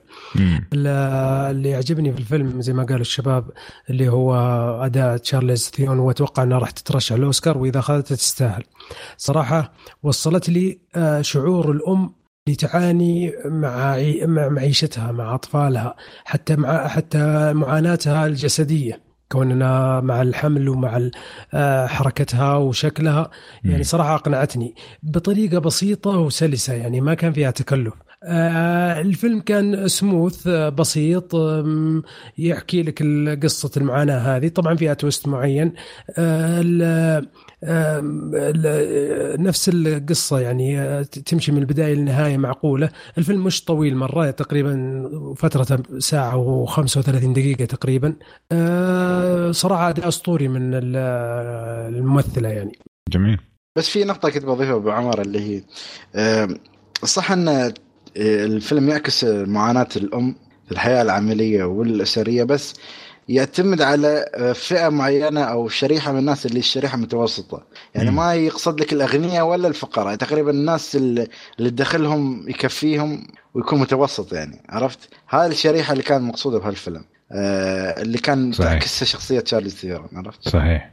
صحيح طيب ال- الفيلم يعني بشكل عام آه زي ما انت قلتوا الحلو فيه إنه قاعد يجسد الشخصيات بطريقة طبيعية بدون تكلف. وفي نفس الوقت قاعد يحاول يعطينا نوع من الإثارة بوجود عامل خارج البيت. يعني أنت مثلا متعود إنه أنت كأم وزوج وأولاد إنه هذا البيت وأنتم مسؤولين عنه. فلما يجي أحد من برا البيت ويحاول إنه يدخل مو بس يهتم في الطفل لا يحاول إنه يغير من طريقة معيشة الناس اللي جوا البيت. تحس إنه في شيء مو صحيح وانه في حاجة سوداوية حتصير لما تكمل الفيلم. فممكن هذا أكثر عامل خلى ال- الفيلم تبغى تشوفه للنهاية إنك تبغى تعرف إيش إيش الجري اللي حتصير بوجود هذا الشخص في في البيت. غير كذا ال- ال- الحوارات كانت آه، يعني جدا سلسة جدا طبيعية. آه، طريقة ردة فعل الأشخاص للأمور اللي بتصير تحسها واقعية تحسها فعلا ممكن أنت أنت تشوفها تكون ماشي في الشارع وتشوف أحد ممكن يبدأ يصرخ وزي كذا وتشوف إيش السبب تقتنع تقول آه والله من حقه يصرخ مثلا. ف آه والتمثيل طبعا كلهم يعني بس بالنسبة لي اللي كان بطل الفيلم فعليا حقون المكياج. المكياج في الفيلم هذا من أفضل ما شفت السنة هذه سواء كان صحيح. آه، في وجهها في جسمها في ال ال ال الناس اللي حوالينها شيء جميل جدا صراحة فعلا متقن. وأتحدى يعني أو خلينا نقول صعب جدا إنه أنت مثلا تقول والله هذا مو حقيقي. يعني يعني الممثلة إيه. تشارليز معل- معلش ولا قطعة كلامك جميلة جدا ومهتمة بجسمها. إيه. أقنعني أنها أم آه، لو ثلاث أولاد وتعبان جسمها وتعاني. بالضبط. مم. ف... فهذه الأشياء الجميلة. إيه محمد؟ هي آه، على طاري هذا النقطة. أنا طبعا لأني شفتها في السينما فكانوا قاصين تقريبا 12 دقيقة من الفيلم. أوف. آه، ف- ف- فأنا ال- المشهد اللي أنت تتكلم عنه بالتحديد اللي طلع عنها أن جسمها رايح فيه. امم هذا كله قاصينه ف... ف... فأنا الحين لما رجعت شفت الفيلم أمس قاعد أقول okay لا والله مسوين شغل. مسوين. شغل يعني فاتفق معك تماما بخصوص المكياج طبعا هو الفيلم يعتبر فيلم آه، زي ما يقولون coming of age اللي هو آه، يعني وصول إلى مرحلة معينة في العمر وتقبل هذه المرحلة آه، فإحنا دائما من العادة نشوفها للكبار السن نشوفها مثلا اللي هم صغار ولكن إيه. وصلوا لمرحلة المراهقة بس الحين هذه المرحلة اللي هي مرحلة. enough أنا إيش سويت في حياتي أنا اي وصلت ال لا- 40 الحين- وأنا ما أدري إيش اللي صاير. اي إي اللي تحس إنها ما عاشت حياتها و... و... وأقنعتني كثير في وضعية إنها وصلت الاكتئاب اللي هو ال coming of age هذا اللي أنا مرة كنت يعني عاد... كان عاجبني صراحة بالفيلم. آه غير أدائها يعني أشوفكم كلكم يعني أثنيتوا عليها لكن فعليا آه، ترى حتى الطفل كان صراحة أداء جميل ممتاز. يعني اي ممتاز. مرة ممتاز. مم. أقنعني وفي ساعات مرة كان ينرفزني. حتى كنت أنتظر إن اللقطة ما يكون فيها هو عشان ما ينرفز. حتى لما يكون كذا عادي إنه على أساس إنه cute وقاعد يفطر ما أدري إيش بس بعد ينرفز شوي. بس آه آه وحتى هذه اللي معها اللي هي أصلا تولي آه أنا مرة تعجبني. يعني شايف لها أعمال ثانية اللي هي اسمها ماكنزي ديفيس. آه مم. بصراحة آه، الممثلة تعجبني. كذا بسيطة خ- يعني ظهورها وكاريزمتها على الشاشة مرة مرة تعجبني صراحة. إي. واضح آه، إنك ف- خاق يا محمد. إي بس يعني ب- بشكل محترم قاعد. أقول لك هو خاق. خاق على واحدة ثانية.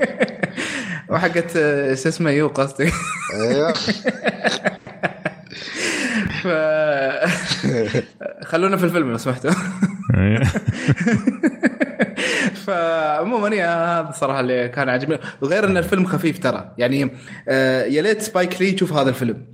يتعلم شلون يوصل فيلم ساعة ونص يقدر أرجوك فيه. أرجوك لا لا. ف... فبس يعني هذا صراحة. لا هو صراحة المخرج المخرج آه، أفلامه سلسة بشكل عام. يعني من أفلامه ممكن أتذكر من أفضل الأفلام اللي شفناها السنة هذه اللي هو Thank You for Smoking واحد من Yes, أفلام yes, التراث. في عندك فيلم آه، جورج كلوني اللي اسمه Up in the Air برضو من الأفلام اللي جدا سلسة. أنا جونو ما شفته حقيقة فما أعرف كيف وضعه لكن أشوف ناس كثير آه، يثنوا عليه من ناحية الإخراج. Yes يا طيب هذه من ناحية الإيجابيات إيجابيات sorry. هذه ايجابيات خلينا نشوف إيش اللي ما عجبنا في الفيلم. وخلينا نبدا معك يا خالد زرعوني. آه، شو أقول؟ والله شوف ببدأ بشكل قوي جدا. الفيلم ترى ممل. امم ها أول شيء. أول شيء حسيت فيه. Okay. فيلم ممل وابدا أحسه ما كان ينفع المشاهده السينمائية. إذا ما كان مقصوص. خاصة لأن في لقطات تحس ما ترتاح. Okay هو كله مكياج آه، بس تحس أنت ك ك كما كإنسان ما ت... ما ترتاح مش لقطات جنسية لقطات تحس ما كشرحها إيه. أحس الفيلم موجه لفئة جدا معينة من المجتمع. ما تناسب آه، أشخاص ما تناسب كل الأشخاص فهذا الشيء حسيته هو اللي شوية ما ذبح الفيلم وصل لمرحلة مملة جدا إلا بس ممكن نهاية الفيلم آخر عشر دقائق هنا شوية بدأ الحماس يعني يرجع للفيلم. يعني أنا وصلت مرحلة تقريبا من بعد ما جت الشخصيه تولي ممكن بعدها بنص ساعة تي حسيت okay وين تبغى توصل؟ عرفت؟ ما. كان في هدف معين ما كان في شيء واضح يعني. أيوه. أه وتحس الشخصيات مثل ما قلت أه أغلب الشخصيات كانت جيدة إلا ما أدري أحس الأب وال... وأخو الأم أحسهم كان تمثيلهم جدا عادي يعني. أحس كانوا cool بزيادة بعد ما في ليش. سالفة إنه يلعب Xbox يعني. ما أعرف شو قصتها يعني صراحة. إيه. فالفيلم بشكل عام بالنسبة لي كان ممل. إلا مم. ممكن النهاية ممكن يعني لولا النهاية أو أو عش آخر عشر دقائق الأحداث اللي صارت ترى ممكن تغير رايي جدا عن الفيلم أو أو وصله لمرحلة إنه يكون سيء يعني. okay. جميل. okay. خالد أو باسم؟ والله شوف بالنسبة للفيلم أتفق مع خالد آه، في ملل. الفيلم موجه ما هو للرجال هو موجه للنساء. يعني أنا صراحة ما استمتعت فيه كثير من الناحيه هذه إنه يعيشك آه، حياة المرأة اللي عانت وزي كذا ما يعني ما أحس إنه موجه للكل موجه لناس معينين. آه أنت قلت يا أبو عمر حاجة في حكاية علاقتها بالمربية إنك قاعد تنتظر حاجة معينة الجريه اللي بتصير. ما اقنعتني صراحة في الأخير. صح إنها كانت كويسة ومنطقية وفهمتها وزي كذا بس برضه ما يعني ما رفعت مستوى الفيلم بالنسبة لي. أوكي. آه، الممثلين الثانيين ما كان ادائهم قوي يعني لا الزوج ولا ممكن المربيه نوعا ما. لكن ما أدري الفيلم مع إنه قصير وكان سلس نوعا ما.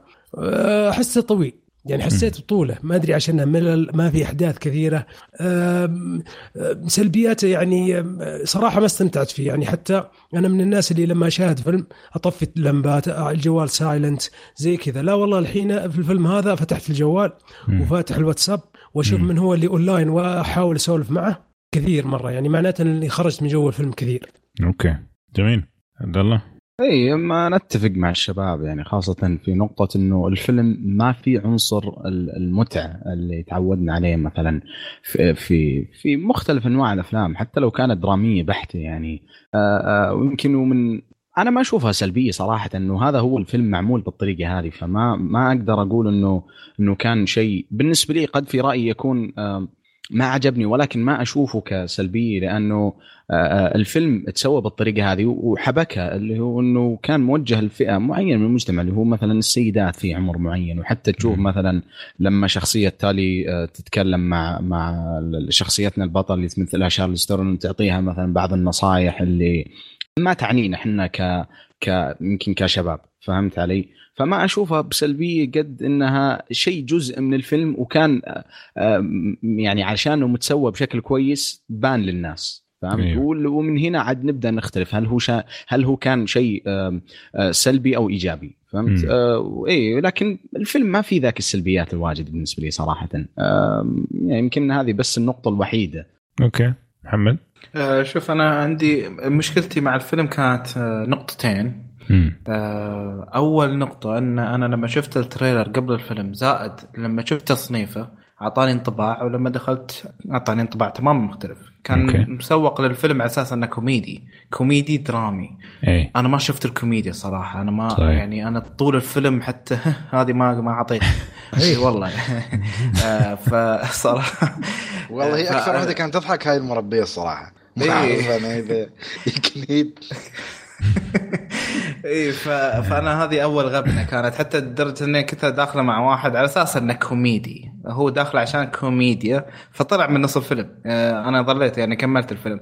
آه، بس هذه المشكلة الأولى. المشكلة الثانية زي ما تقول اسم الفيلم نفسه. يعني أنا طول الفيلم يعني إلى إلى نص الفيلم قاعد أقول "إيش سالفه تلي شنو تلي؟ آه ولما جات تلي يعني كنت منتظر ما أدري ليش بس كنت منتظر شوي شيء أكبر. ما أدري ليش يعني رغم انها كانت كان تواجدها خفيف بالشاشة آه، إلى أن يعني تأثيرها بالفيلم نفسه حتى لو انها حركت بعض الأحداث بس بعد أنا أعتبرها هي كشخص تمنيت إني ما أدري أعرف شوي زيادة عنها أكثر. مع رغم انه عدم معرفتنا عن معلومات عنها إنه يعني راح يعزز من جانب الغموض في الفيلم. بس هم حسيت إني ما أدري يعني حسيت إني بعيد جدا عن الشخصية هذه. كان ودي إني أعرف عنها شوي أكثر عشان آه آه يعني أندمج معها أكثر ممكن لو خشت بالفيلم أبكر شوي ممكن مم. ما أدري لأنه صدق أنا آه. قاعد أفكر الحين في حكاية اسم الفيلم صدقت والله يعني المفروض إنهم يغيرون الاسم نفسه. يعني آه، حركة الاسم مش كويسة يعني حتى لما ذكرت وزي كذا في الأخير م- ما- كذا مش كاملة ما هي كاملة تحس لما أعطوها إن هي تايتل المفروض يكون لها وزن شوي بالفيلم طيب. ما حسيت بالوزن حقها يعني آه، بس بس سألت سؤال محمد إيه، تسمح لي يا خالد. أعتقد. إنه أنتم شوية في مشهد في الفيلم آخر الفيلم كان الاسم لي معنى ثاني غير الشخصية نفسها. أعتقد ممكن فاتتكم هذه بس لا أنا أشوف الاسم ماشي مو بس عشان ال- الشخصية اللي هي المربية لا لأنه لي معنى ثاني لي وزن ثاني. أه، ما أقدر أقول إيش هو عشان حرق لكن ما شفت فيه مشكلة بالعكس شفته ذكي جدا. بس أعتقد إنه ممكن أنتم ما انتبهتوا إنه هو جاء سريع مرة كذا جات في محادثة سريعة. كان موجود برضه يعني معناته ما وصل أنا. وهو محور أساسي هو اسم الفيلم. اي ممكن. أه، أنا أه، بس خلينا أسمع إيش خالد يبغى يسأل قبل ما أقول رأيي. آه، لا بس كنت بس على النقطة التالية أنا سمعت له ومتفق معك بعض الشيء وبس كنت بسأل الدوسري يعني بما أنه شاف الفيلم في السينما. وخاصة أن مبيعاته يعني ما بينت أن أصلا فيلم ما ينفع للسينما. فأنت هل استمتعت في الفيلم السينما ولا ولا حسيت جدا كان ملل؟ ولا كيف يعني؟ أم، أنا أذكر إني دخلته بعد فيلم سيء فكان okay يعني. أنا بس ما أذكر شنو الفيلم سيء.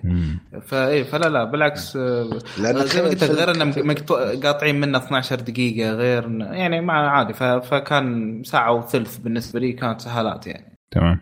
لأنه يبين الفيلم أصلا بس سكاري حتى ما. يدور أرباح. ممكن. طيب أم بالنسبة لي لي أنا الفيلم مشكلته الكبيرة في آخر ربع ساعة. آخر ربع ساعة ما عجبتني. أه هم يبغوا يوصلوا فكرة معينة لكن طريقة الطرح بالنسبة لي كانت ضعيفة. وشفنا أفلام يعني تتعامل مع ال- الاكتئاب والأمراض النفسية بطريقة أفضل من اللي شفناه في الفيلم هذا. فممكن هذا أكثر شيء يعني بعد ما خلص الفيلم قلت يا أخي حرام. يعني الفيلم صحيح ما هو موجه للجميع لكن الطريقة اللي طرحوا فيها الموضوع والطريقة اللي صوروا فيها كل شيء أنا شفتها جدا جدا مضبوطة يعني فعلا من من أفضل الأشياء اللي موجودة في الفيلم طريقة السرد.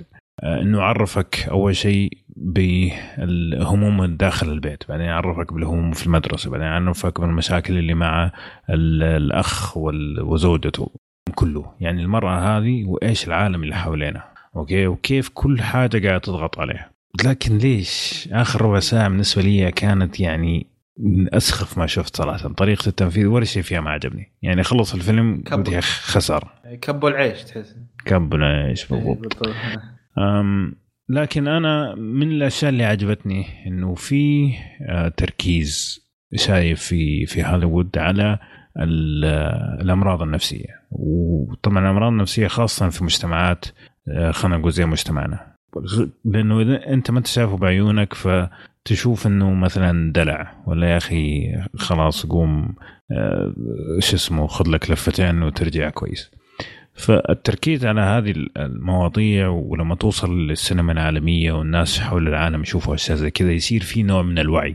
يعني أوكي في أمريكا هم عارفين هذا الشيء عشان كذا الأطباء النفسيين من أكثر الناس اللي يربحوا في السنة لكن حول العالم الشيء هذا ما هو واضح. لكن أرجع أقول إنه قفلة الفيلم بالنسبة لي هو الشيء الوحيد اللي ممكن يخليني أقول الفيلم هذا ما يستاهل انشاف لكن غير كذا ما كان عندي أي مشكلة مع أي شيء ثاني. حتى اللي كان تمثيلهم شوية أضعف من الباقي ما كانوا لدرجة إنه مثلا يطلعوك من الفيلم. كان تمثيلهم جيد إلى ممتاز بالنسبة للتمثيل يعني بشكل عام. وبس. لا طيب. طيب. أتفق معك يا أبو عمرو بس في النقطة الأخيرة قلت الموضوع القفلة كان آه، حسيت إنه قفلوها بالطريقة هذه عشان يوصلوا لك بطريقة أو بأخرى مين هي تالي. آه، اي ف- ولكن لما تفكر من فيها كان ممكن إنه تتسوى بطريقة آه، يعني بدون ال- بدون الدراما اللي صارت هذه مرة إنه يوضح لك كذا في في أكثر من حوار أو في مشهد. وكان ممكن راح يوفر الوقت وراح يوفر ال- ال- الحركات ال- تعرف هذه يعني ما أبغى أحرق بس بس إنه بدال الدراما الزايدة هذه فهمت علي؟ إي. فمن جد يعني أتفق معك في النقطة هذه لو كانت قفلت بطريقة أخف شوي وأهدى من كذا كان ممكن راح يكون الفيلم أروع بشكل كثير من اللي ما هو عليه حاليا. أوكي. حلو. طيب. آه الفيلم فيه تعري؟ آه في نوعا ما لا في- نعم نعم. أكيد. إيه آه في بدايه كلام؟ ما هي كثير. ما هي كثير. بس في إيه ينفع المشاهده الجماعية؟ لا. لا ما أتوقع. أنا يعني أشوف بين- مين معك. أنا أشوف يعني- جلسه مبين أنا أشوف على- أنا أشوف جلسة حريم وحلاوه وقهوة ممتاز. مم. بس هو مبين من ربيع الدوسري مسكين يعني توكل حتى ما كمل الفيلم يعني. إيه. فمبين إنه صدق مش بكلفه إيه. أيوه أم، يا ممكن يعني أنا شفت أنا شفته مع زوجتي ما ما كان في مشكلة صراحة. لكن ممكن ممكن يكون اللي معك آه، طابع نسائي أو إنه يكون مهتم في ال- في الأمراض النفسية ممكن يعجبه هذا ممكن نقدر يعني. نقدر نصر. نصنف الفيلم على أنه فيلم نسائي يعني يصلح للنساء أتوقع الحريم أو النساء بشكل عام راح ينبسطون من الفيلم لأنه جيد ويمسهم شخصيا امم صحيح صحيح. طيب فيلم خفيف آه يعني تقدر تقول فيلم ما هو والله. قصير بس ما هو خفيف ما أحسه خفيف ما في خفيف. في- أشياء نرفزة يعني مثلا تصرفات بعض الأطفال وكذا. يعني مرة مرة تنرفز. آه لكن مع هذا تحس ما في هذاك الثقل. اللي يتعبك نفسيا مثلا أو. شيء زي كذا. لا الفيلم يعتبر خفيف. يا. طيب أعتقد جاوبنا على مين ممكن يعجبه الفيلم؟ أم... تنصح في الفيلم ولا ما تنصح؟ خالد؟ آه ما أنصح إلا لفئه النساء الصراحة. أوكي. أه... باسل نفس الكلام ما أنصح فيه إلا إذا للنساء فقط. محمد؟ قول قول. ما ما ودي ما ودي. لا لا صعب صعب يعني صعب أنصح فيه صراحة. إيه. عبد الله؟ آه هو صعب مرة الواحد ينصح في نوعية الأفلام هذه ولكن أنا بالنسبة لي أنصح ولكن إنه يعني هذا ترى من نوعية الأفلام اللي كذا تشوفها قبل النوم مثلا على اللابتوب وشيء زي كذا فهمت؟ يعني ما هو آه ما هو آه يعني اللي تتحمس مرة. يعني فيلم خفيف لطيف فيه فكرة وهدف نبيل صراحة فيعني أنصح فيه ولكن ما هو مرة بحماس.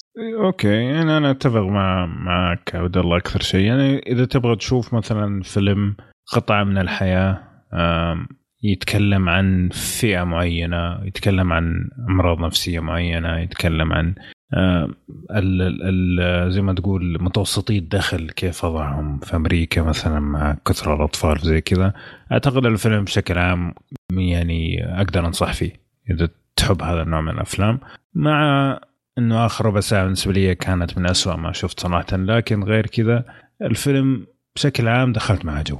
يعني حسيت آه، بالأحاسيس هذه خاصه لما تشوفها من ناحية آه، آه، أبو عيال مثلا إنه أوكي في أشياء كذا مريت فيها كثير من الأشياء هذه اللي موجودة في الفيلم. فنوعا ما حسيت بالمعاناة حقت الأهل وخاصة لما يكون دخلهم قليل يعني. فإذا أنت ما عندك مشكلة مع هذا النوع من الأفلام أنا أنصح صراحة. اثنين من خمسة؟ طيب يعني كم تق... تقييم الفيلم؟ okay. اثنين من خمسة. اي يعني اثنين قالوا ينصحوا وثلاثة ما ينصحوا مو من عندي مو من راسي ترى أنا قاعد إيه لا لا, لا, لا, لا. إيه. فبس عشان المستمعين كمان يفهموا. يعني عددنا إحنا وكم واحد ينصح وكم واحد ما ينصح. فاثنين من خمسة ينصح. طيب. فيلمنا الأول كان The BlacKkKlansman والثاني اسمه Tully كل أفلام نزلت في 2018 إذا شفتوها ولا راح تشوفوها اعطونا إيش رأيكم في التعليقات. بس قبل ما نختم عندنا آخر فقرة في حلقتنا اليوم اللي هي فقرة آه، تعليقات المستمعين. ومحمد إذا تقدر أفضل إنك أنت آه، تقولها لأنه بدأ صوتي يروح شوية أحتاج فزع إيه. فعندنا واحد تعليق في 170 الحلقة اللي قبل الماضية أيوه. طيب آه نبدأ بالتعليقات واللي هي اولا التعليق اللي في حلقة 170 اللي هو يقول السلام آه طبعا X عبد الله يقول السلام عليكم. أخباركم شباب؟ أنا أول مرة أشارك معكم بس حبيت أشكركم على الاستمرارية والجهد اللي تبذلونه والشغل المرتب. وبالنسبة ل Gladiator هذا الفيلم محمله من خمس سنين وموجود في Netflix من سنة تقريبا. وأنا داري إنه واحد من الأفلام الأسطورية بس كل يوم أقول بكرة. بس يوم تكلمتوا عنه خلصت الحلقة ورحت شفته وفعلا ما خيب ظني بس ما أقول غير الله يهدي اللي تكلم عن الموسيقى. صرت كل ما أشتغلت أتخيل Jack Sparrow وبعدين في نص الفيلم حسيت فجأة صارت الموسيقى حقت Battlefield سؤال أخير بس متى تصنفون الفيلم أنه من التراث؟ إذا مرت عليه 15 سنة مثلا ولا قبل ال 2000 آه، أو قبل عام ال 2000 وبالتوفيق لكم واستمروا. طيب بجاوب على السريع حقت التراث اللي هي إحنا إذا عدى على الفيلم 10 سنوات. بالضبط. آه، يا وبالنسبة للي خرب ذا ترى والله ما خرب عليك لحالك الله يهديه خرب حتى علينا. أنا ما كنت معاكم في الحلقة هذيك بس ترى فعلا الموسيقى ترى ما هي راكبة يعني والله هو أنت صادق أنت جبتها في الثمانينات لكن أول ما شغلوها والله إيه. شفت وجهك. الله. بس فعلا فعلا. لا لا يعني موسيقى يعني حتى قبل ما تشوف Pirates Caribbean إيش اسمه ويا ريته ما حطها لأنه ترفع عليه قضية أصلا Hans Zimmer وخسرها يعني إنه كانت مشابهة لفيلم قديم كمان يعني فوق هذا كله يعني. برضه زارفها. اي زارفها إيه. ف... ف... يعني كان قرار غير سليم من أي ناحية من كل النواحي يعني. طيب بعده. طيب آه نبدأ بتعليقات الحلقة هذه اللي هي حقت 171 آه أو طيب أول واحد يقول لك آه اسمه بكري ويقول السلام عليكم تحياتي للجميع. حبيت أذكركم أن تاريخ نزول الحلقة يصادف عيد ميلاد واش دنزل واشنطن الرابع والستين. في ذكر هذا اليوم المجيد أبارك لأبو عمر وجميع أعضاء البودكاست. عساه ينعاد عليكم أزمنة عديدة. يا, يا شباب ما تصدقوا. من أكثر ال mentions اللي جاتني في حياتي. mention إنه اليوم عيد ميلاد الممثل. today birthday يعني بكل اللغات ما شاء الله. اي أحد يشوف الموضوع هذا يعطيني mention. فشكرا جزيلا صراحة. ممكن احتفلت فيه أكثر من عيد ميلاد حبك فيه أبو عمر طلع ولده. إيه. بس هذا يجي منه. يعني ما أقول شيء عن دنزل يعني. إلا أقول كلام كثير عن دنزل بس يعني ما مو هذا موضوعنا. بس فعلا شكرا. حتى في انستغرام يعني مو بس في تويتر يعني. لحقوني في انستغرام وارسلوا لي على الخاص. شوف أبو عمر عيد ميلاد دنزل. ألف مبروك. إن شاء الله لدنزل وإن شاء الله سنوات مديدة. ولجميع معجبينه. طيب التعليق اللي بعده من XZX عزوزو. السلام عليكم. نبدأ بالنقاش الأول. الأفلام التي تقييمها سيء وفي المبيعات جدا عالية هذا سببها يعود إلى الكل... إلى كلام النقاد. بعض الأوقات الكلام النقاد يساهم في تسويق الفيلم خاصة. لو كان الفيلم في جهة يقولون إن الفيلم ممتاز وجهة أخرى يقولون إن الفيلم عادي أو سيء الكلمة اللي أقصدها ديفايد فهذا النوع من التسويق الغير مباشر يجعل المشاهد يذهب إلى قاعة السينما وبرا الفيلم فقط عشان يبدي رأيه ويختار جهة من بينهم. okay. آه عندكم شيء؟ بخصوص هذا الشيء قبل ما أعتقد. أنا أتوقع أن أنا أتوقع إن الخبراء والنقاد اللي خاصة زي Rotten Tomato إنهم يأثرون سلبا. ما هو إنهم يعني يعني لو اعطوا فيلم تقييم سيء أتوقع إن الناس ما راح يروح يحضرون السينما وكذا. بس هو قاعد يقول إنه يكون في زي ما تقول ناس يقولوا ممتاز وناس يقولوا مو ممتاز. يعني في تشتت بين التقييمات. هذا قصدي. أنا اللي فهمت ان إيه. ان لما النقاد يعطونا تقييم سيء المشاهدين يروحون يبغون يتاكدون ما أتوقع إن هذا صح. لا بس يقول أيوه في جاي يقولون الفيلم ممتاز وجاي اخر يقولون الفيلم عادي أو سيء. آه هذا النوع من التسويق يخلي المشاهد يروح يشوف بنفسه عشان هو يختار بين هذا واتوقع. اي من الأمثلة اللي صارت السنة هذه يمكن فينوم صحيح. الناس ما قالت إنه ممتاز ولكن آم، في ناس كثير ومن ضمنها يمكن آم، إحنا لما تكلمنا عن الفيلم في أحد الحلقات. قلنا إنه الفيلم ما هو في السوق اللي اللي آه، التقييم جالسة آه، يعني تعطيه، صحيح. اي اي صحيح فكثير حتى من الناس يعني كذا بس راحوا يشوفون الفيلم عشان يبدي رأيه لأنه فعلا هذا يمكن من أكثر الأفلام اللي الجمهور فيها انقسم قسمين فأتوقع هذا أحد الأمثلة يمكن اللي صارت لنا السنة هذه يمكن في في من ناحية ال- الأسلوب اللي يصير للتسويق بالفيلم أصلا من غير قصد عرفت كيف؟ والله شوف يعني دائما لما يكون في جدل في. في الفيلم يعطيه تسويق غير مباشر زي ما قال. الجدل هو اللي يعطيه سواء كان عشان مثلا فيلم سيء ولا جيد ولا مثلا كفكرة. والناس يقولوا لا ما ينفع هذا حرام. وناس يقولوا لا ما فيها شيء عادي. ولا فيلم يقول لك لا والله هذا الفيلم مرة عنصري. والناس يقولوا العادي. فدائما لما ما يكون في جهة واضحة أو أو أغلبية على نفس الرأي هذا يعطي إنه والله ودي أدخل في النقاش يا أخي. خلني أروح أشوف الفيلم مثلا. ولا يا أخي شدني الفيلم شكله فكرته فعلا قوية لدرجة إنه كل تويتر قاعدين يتكلموا عنه مثلا. أو زي حتى لما يكون يعني. إيه. زي إيش؟ زي Bird Box يعني. زي Bird Box مثلا. إيه. ففعلا يعني آه، حتى لما يكون تقييم الفيلم متوسط أو سيء ويصير في نوع من الجدال سواء كان عشان إنه جيد ولا لا ولا عشان في موضوع مثلا في- يسبب جدال هذا يسوي التسويق ويخلوا الناس يتفرجوا عليه. أنا أتفق معك. طيب تكملة التعليق حق آه، آه، عزوزو يقول باختصار على سالفة ديزني شكل Avengers و Black Panther هذه السنة طلعوا طلعوا لهم ذهب لدرجة أنهم صاروا يسوون أي شيء بس عشان يشوفون ينجح ولا لا. أيضا يقول أوسكار أتمنى يصير توزيع جوائز واتساب أحسن من أنهم يختارون أوبرا. آه، وآخر شيء يقول كنت أبي أسمع رأيكم عن رجعة المر... الرجعة المرعبة من كيفن سبيسي آه، بشخصية House of Cards طبعا آه، تكفى. نايف مو تكفى. ارجع شوف ال... ال... ال comment بال... بال... بالموقع عشان تعرف أنا شلون قاعد أقرأ. تكفى. آه، فعموما آه، يا إيش رأيكم برجعة هي؟ ما ماني فاهم. يا أنا إيش- ما فهمت إيش هذه؟ يا بس إيش رأيكم برجعة آه، إيه. كيفن سبيسي المرعبة والله ما عجبتني حسيتها تشيزي مرة حسيتها سامجة آه يعني ممكن هي تخدمه إنه فعلا يرجع وبقوه لكن الطريقة اللي سواها بالنسبة لي أنا ما ما استمتعت في الفيلم صراحة ك- في ال- في المقطع كان بالنسبة لي يعني سامج مرة ما أدري آه. من جد صحيح وحتى أصلا تحسه كذا آه، هو نزل مقطع قبل ما يصدر الحكم عليه الحكم الرسمي بخصوص القضايا التحرش. ويعني اللي سواها من قبل فتحسه آه، يعني نزل اختار التوقيت هذا بالضبط بحيث إنه آه، يحاول قدر المستطاع إنه يأخذ عاطفة الجمهور أو عاطفة الناس آه، بالقضية هذه أو خاصة باتجاه إنه يرجع جزء ولو كان بسيط جدا من من آه، من جمهوره. لأنه تعرف بعد اللي صار آه، السنة اللي راحت آه، يعني كيفن سبيسي صار آه، ترند يمكن حق فترة طويلة وكان هو من أكثر الناس اللي اللي يصير mention لاسمه في Me Too أو ال ال مم.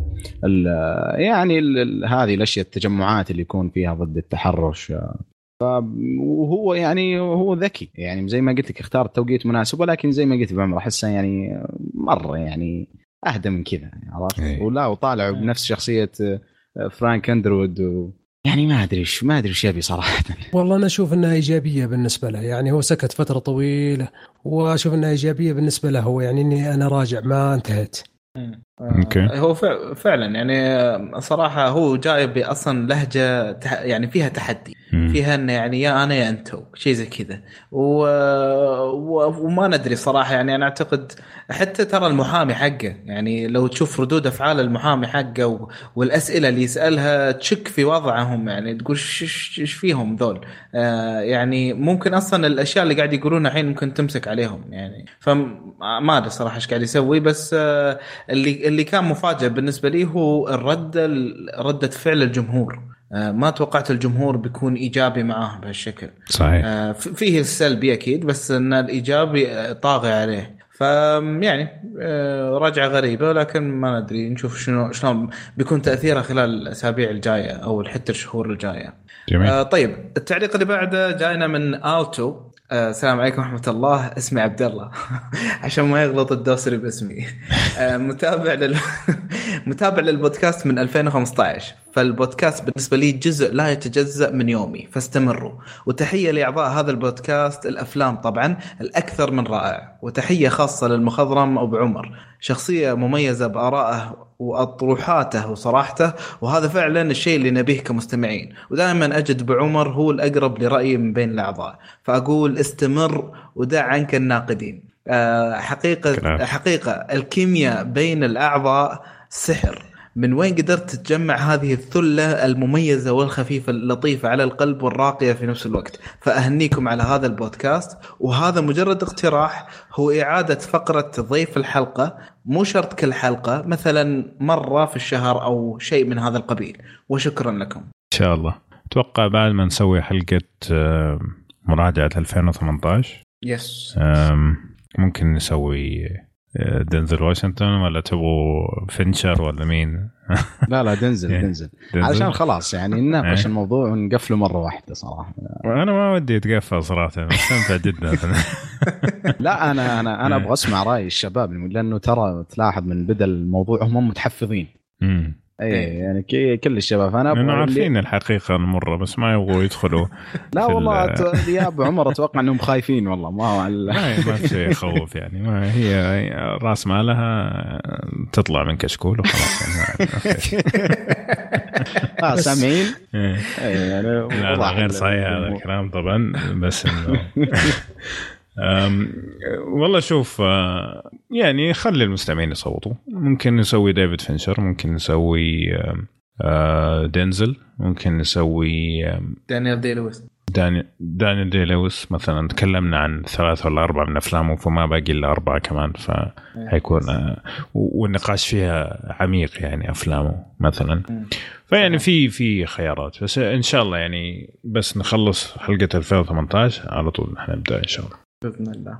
طيب آه، التعليق اللي بعده جاينا من إل كابون. السلام عليكم يا شباب يعطيكم العافية. هل عام 2018 أفضل من آه، ناحية الأفلام عن 2017 كل واحد فيكم شو نوع الأفلام اللي يفضلها غير أخوي خالد؟ لأني أعرف جوابه. سوبر هيروز يعني. متحمس متحمس حق حلقة أفلام أفضل أفضل أفلام آه، لعام 2018 مع تحيات حسن زرعوني مو بأخو. لا أنت قلت أخوي شرحت نفسك. آه، لا أنا بالنسبة لي آه، عام 2018 هو تكملة هو سيكول ل 2017 بالسوء صراحة.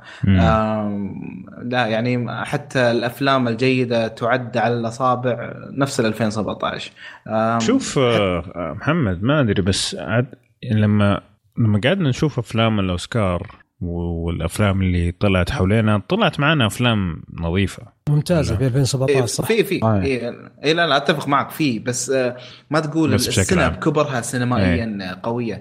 أنا. سالفة إني أحشر الأفلام في شهر واحد وأقول السنة كلها سينمائية قوية أنا شخصيا ما تعجبني. يعني أنا آه، أمتعني مثلا كل شهر أو شهرين بفيلم قوي.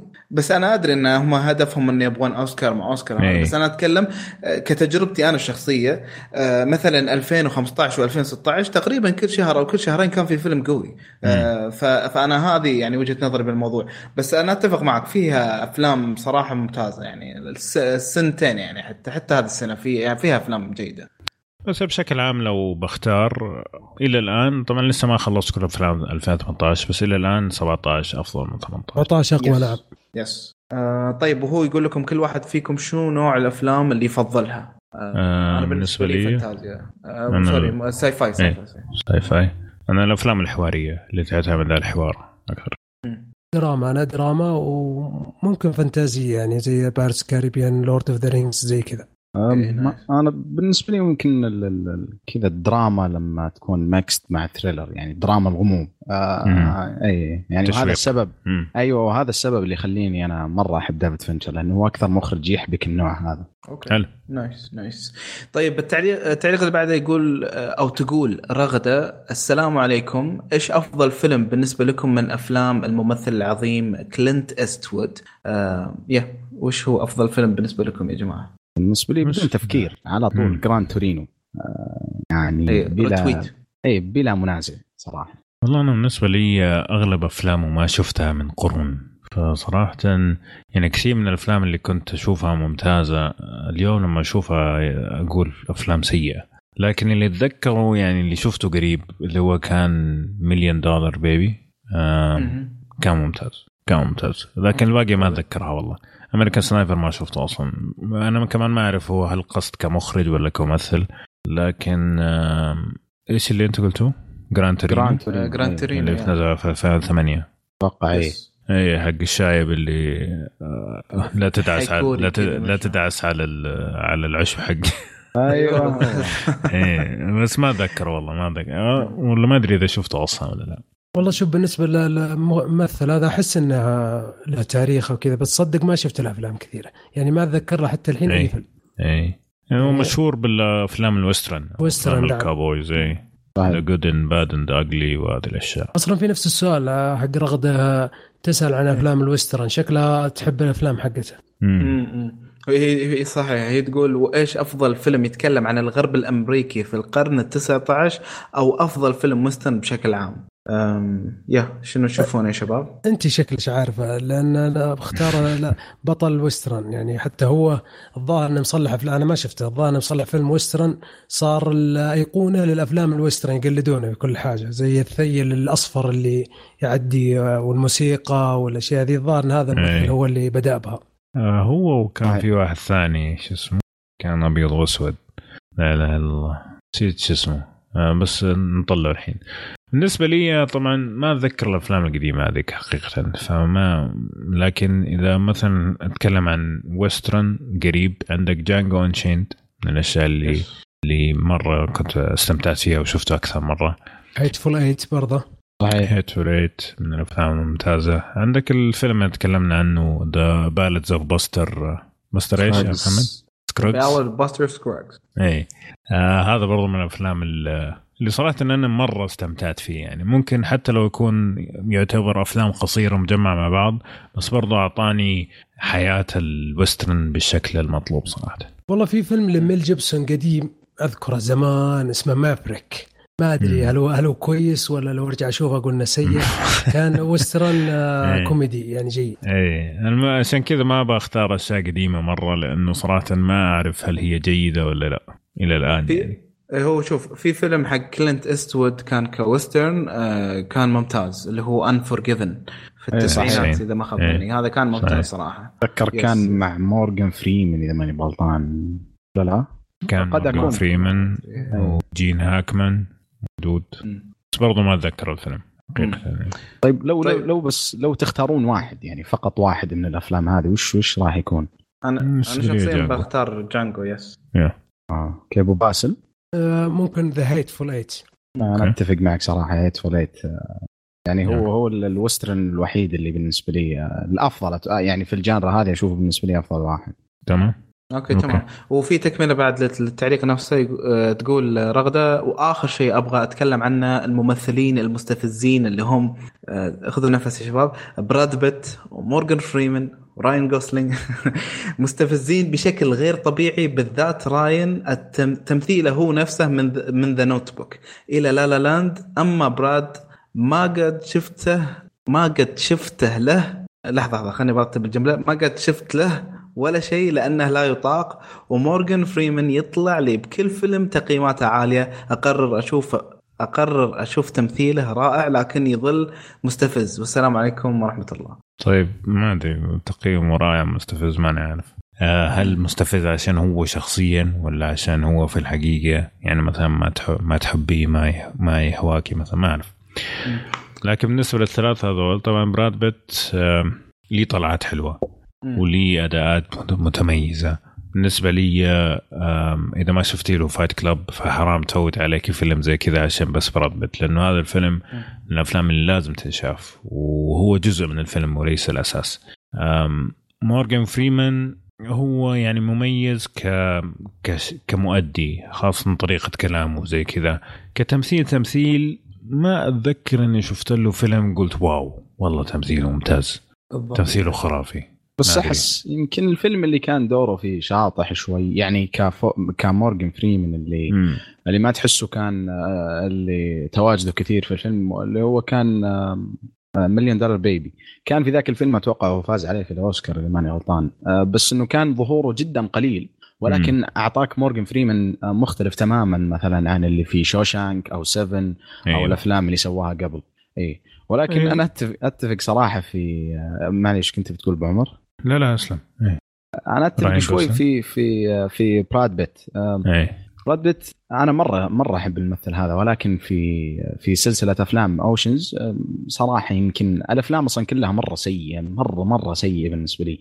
وشخصيته فيها قد تكون أسوأ شيء في الفيلم أو في في في سلاسل افلام يعني من جد تمثيله مستفز في في السلسلة هذه. حتى أنا متأكد لو أي واحد يرجع يشوف الفيلم الأول راح يعني يغير رأيه ولو بشكل بسيط عن براد بيت فاي لكن راين جوزلينج بالعكس أحسه مختلف في أدواره يعني مثلا فيلم Drive Fracture يعني ما أدري ما ما أحس إنه أدواره فيها تشابه ما أدري. إيش رأيكم أنتم؟ والله أنا آه. بالنسبة لي الممثلين الثلاثة ممتازين جدا. بالنسبة لبراد بيت أنا عشق هذا الممثل. إذا ما يعجبك هذا الممثل زي ما قال أبو عمر شوف فيلم Fight Club في فيلم له اسمه Benjamin Button برضه رائع جدا. مورغان فريمان آه، أداء ما شفت له أي فيلم أداء سيء. يعني لأن أداء ترى يكون دائما في الخفاء أو إنه يعلق أو إنه يتكلم background بالنسبة لراين جوزلينج أنا مبسوط من الممثل هذا وأحس له مستقبل ممتاز ورائع جدا. فأنت اخترتي ممثلين ممتازين غريبة ما يعجبونك. آه شوف آه هو آه ممكن أنا كنت إلى حد أو إلى وقت معين كنت آه، ترى ما داني براد بيت. آه كان للأسف انه طحت على أعتقد ثلاثة أو أربع أفلام من أفلامه اللي كان هو فيها مغرور وشخصيته نفسها يعني اعتقدت أنها خلاص ماسكة فيه بهالطريقة فكرهته يعني. لين ما رجعت مثلا Meet Joe Black مثلا يعني يا محمد؟ مثلا. مثلا كنت أكره شخصيته في Ocean 11 و Ocean 12 و13 كنت أكره شخصيته هذه اللي مسوي نفسه فاهم كل شيء وما أدري شنو. الين ما شفته بعدين أفلام كويسة زي Fight Club أو. Breaking إيش اسمه بنج Benjamin Button أو شيء زي كذا. يعني. عموما هذه الأفلام كويسة. فبعدين أي 7 yes yes 7 أكيد. مورجان فريمان آه، تقريبا نفس الأداء. دائما راين جوزلينج ممكن إن أداءه تقريبا نفس الشيء في معظم أفلامه ترى اللي هو إنه قليل كلام قليل حو- حوارات. ما عدا مثلا في The Nice Guys وفي First Man أنا يمكن هذول الاثنين آه، قد يكونون أفضل أداء آه، يعني شفته له يعني في هالفيلمين آه، مع La La. Land طبعا. صحيح. إيه ف ف يا بس إن ال range حقه إلى الآن ما شفناه كامل أنا أحس إنه عنده أكثر يعني. يبغى له طيب. مخرج يرص عليه شوي yes. يبي له يجرب villain يكون كذا. أي. لا هو في على طاري villain هو أتذكر في فيلم Fracture يعني كان آه، كان هو وأنثوني هوبكنز كانوا موجودين في الفيلم. فما من أنت في الفيلم ما أنت متأكد مين البطل مين ال villain ففي ذاك ال- الفيلم ترى طلع شوي عن راين جوزلينج اللي زي ما قلت يا محمد آه، اللي كذا قليل الكلام و ودائما كذا ظلامي وساكت. فأتوقع في هذا الفيلم يمكن كسر الصورة النمطية المتعارف على راين جوزلينج فيها. yes yes yes طيب آه، صدق إنه دوبي عار... دوبي اتذكر إنه راين جوسلينج في Fracture اتذكر شفت ف- Fracture أنا في السينما. آه بس إنه يعني ما كانت ما كان الوجه في مخي لما قلت رحت شيكت. أصلا شكله مختلف تماما. اي صحيح. ففعلا آه. أوكي. أوكي. طيب آه هذا بالنسبة للتعليق رغدة. ننتقل للي بعده اللي هو خالد آه، ماك. بعد يقول بعد محاولات لشهور الحمد لله الموقع رضى عني. والله أنا سعيد جدا ان أنت قلت هذا الشيء يا خالد. طبعا إحنا في شهر ديسمبر آه رحنا لمطور الموقع. وقلنا له ترى الناس قاعدين يواجهوا مشاكل كثير في ال- التسجيل. والغالب إنه بسبب إنه ال- الإيميلات بتروح للسبام وكل هذا الكلام. فسوينا طريقة مختلفة والآن صار إلى الآن ما شفنا أحد بيشتكي من التسجيل. يعني لما تيجي تسجل يسجل معك على طول ما يحتاج إنك تروح مثلا على إيميلك وزي كذا لا. آه، بيجيك تأكيد بعدين بس إنك تقدر تشارك أول ما تسجل. فكويس إنك قلت هذا الشيء لأنه من ود من زمان ودي أتكلم عن موضوع إنه تغيرت طريقة التسجيل وصراحة بنسى. فشكرا خالد. okay كلام ممتاز آه طيب آه، التعليق اللي بعده من هيثم يقول السلام عليكم شباب في حالة أن الفيلم غير متوفر بالطرق الشرعية وش أدنى bitrate يكون الفيلم مقبول وقابل للمتابعة فيه وشكرا آه. 120 أنا بالنسبة لي هذا اللي هو حق ال- الإنترنت يعني ولا إيش؟ لأن أنا صراحة م- إي يعني لما تنزل ال resolution تنزل فيلم بطريقة غير شرعية إيش أقل resolution تقدر أوه. تتحمله. آه okay okay. والله ما دامها غير شرعية يا 1080 يا لا. لا هذا هذا. resolution إيه. بس هو هو ال bitrate يعني قصده في ال buffering يعني. بال buffering. آه إيوه. فبس اعتقد القصد إنه ال resolution okay. آه طيب آه عندنا آخر تعليق شوي طويل فيعني اخذوا نفس. زاهر الشهري يقول السلام عليكم ورحمة الله. يا عالم والله إحنا محظوظين فيكم. ما أقول إلا الله يسعدكم. إيش فيها كذا علقت؟ الله يسعدكم. الله يسعدكم قد المتعة والسعادة التي التي اللي تزرعونها فينا. وش أقول وش أخلي الكلام ما يوفي حقكم؟ أنتم كوكتيل عجيب مع إني متابع قليل للأفلام للأسف لحكم آه، طول دوامي وعشان أكون صريح عالم ال games ماخذ باقي وقت لكن إذا حصل لي بين الفترة وفترة أتابع لي فيلم. لكن يا عالم المتعة معكم عن مليون فيلم. ولا أقولها مجاملة صرت أنتظر حلقاتكم بفارغ الصبر على الأقل. آه، إيش؟ عقل متابعتي للأفلام. لكن المتعة معكم بنقاشاتكم متعة من عالم آخر لها طعم ثاني. يا عالم شريت سماعة بلوتوث عشان إذا مشوار السيارة ما يكفي لكم أسمعكم في الدمام الله بعد. الله. يا أخي الله.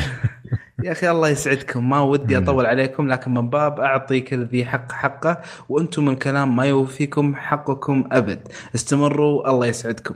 وللمعلومية أنا مستمع قديم لكشكول. مستمع لكم من أول حلقة لكشكول القديم إلى يومكم هذا. والفضل لله ثم لأحمد الأحمري. سوالكم رتويت لحلقتكم الأولى ومن وقتها وأنا هايم في بحر غرامكم. يا أخي كلام كبير يا أخي. طيب بس قبل ما نبدأ الكلام الثاني. شوف أنا بالنسبة لي ما دام إنه أنت مستمتع معنا هذا كل اللي أبغاه فعليا. أم، وأدري إنه في ناس مو عاجبهم التقسيم. وإلى يومك هذا مو عاجبهم التقسيم وغالبا ما راح يعجبهم التقسيم لأنه ممكن.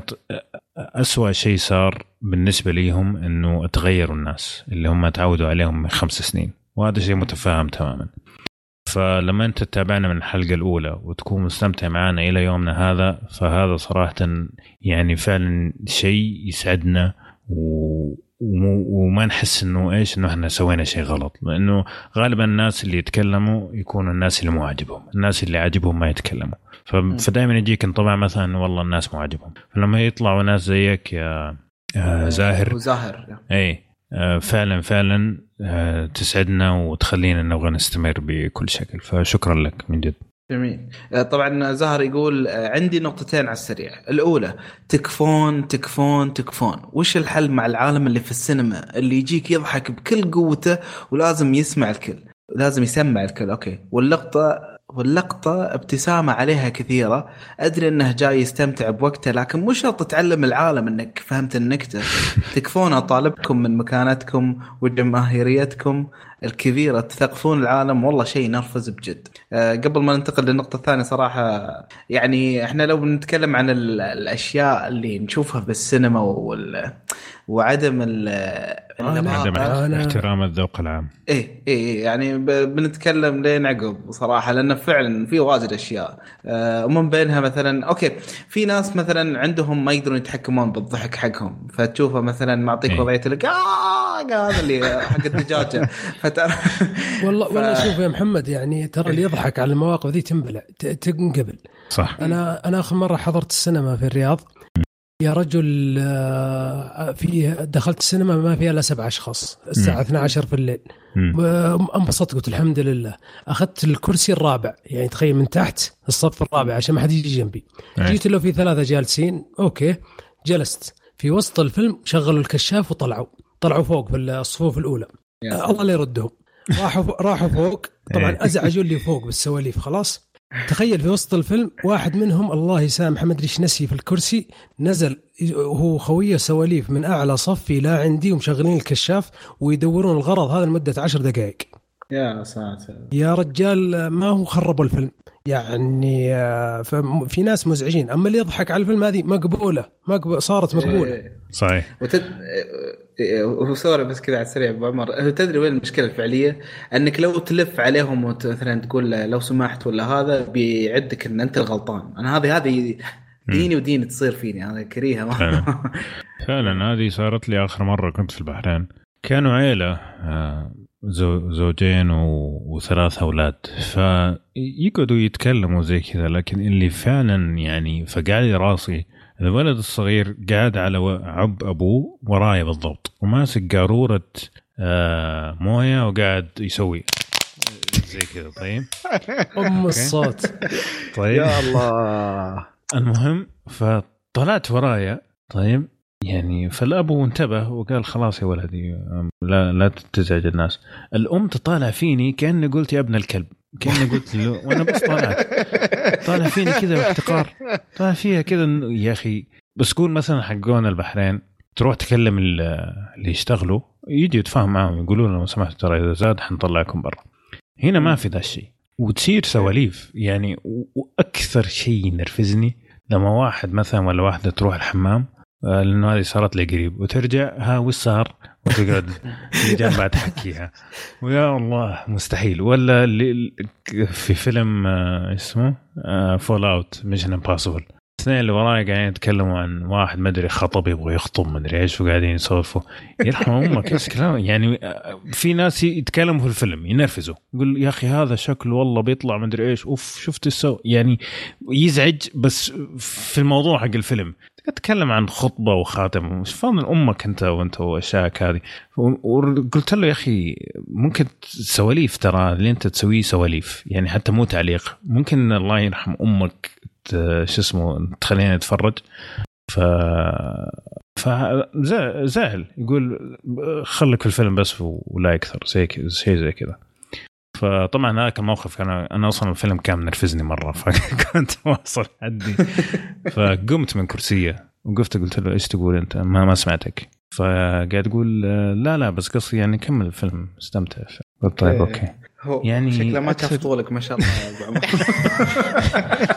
يعني أكثر من كذا قلة أدب يعني ما في. فأنا أتفق معك. يعني قول اللي يضحك هذا ممكن زي ما قال محمد هو ضحكته كذا وممكن أصلا تكون أنت تبغى تبتسم تشوف واحد قاعد يضحك بقوة تضحك معاه. بس هذول. الناس يعني صعب. وأنا خلاص آخر فيلمين دخلت وأنا غاسل يدي. قلت خلاص 100% حيكون إزعاج حتقبل بال- بالأمر الواقع آه، ولا حقعد أتفرج على كل شيء بلوري يعني. ما في إلا هذا الحل. لا يا رجل إحنا المفروض والله كذا يصير عندنا كورسات الآداب السينما. يا عمي إيه. مو آداب الحياة العامة. ما السينما. شوف في, في ترك أنا كنت أصلحه لما كنت في أستراليا. طبعا المجتمع الغربي ما يشوفون أفلام متأخر خاصة وسط أيام الأسبوع. فكنت أحضر العروض اللي الساعة 10 في الليل. بعض الأحيان ما في السينما حدود 10 صالات إلا أنا لحالي. خلاص؟ يبغى لهم يزودون العروض اللي في الصباح. أنا مستعد أسحب على الدوام وأروح أشوف لي فيلم الساعة 8 الصباح عشان أفتك من هذول. بس ما حلت مشكلة الناس اللي ما يقدر يسحب على الدوام يا أبو خ- أبو بس ما عليه لا لا بيعطيك sick leave. اسمه movie leave. movie leave حلو. طيب آه، يقول آه، زاهر أيضا آه، يقول النقطة الثانية أبو عمر الله يسعده ذكر نقطة عن التمثيل الصوتي ومن هالنقطة حاب أقول تعبت وأنا أدور أماكن أقدم عليها للتمثيل الصوتي. ما هو مدحا لنفسي لكن أنا زيك أبو عمر أشوف نفسي إني ممكن أبدع في التمثيل الصوتي لأني أعشق هالشيء. فتكفون إذا تعرفون لا تبخلون.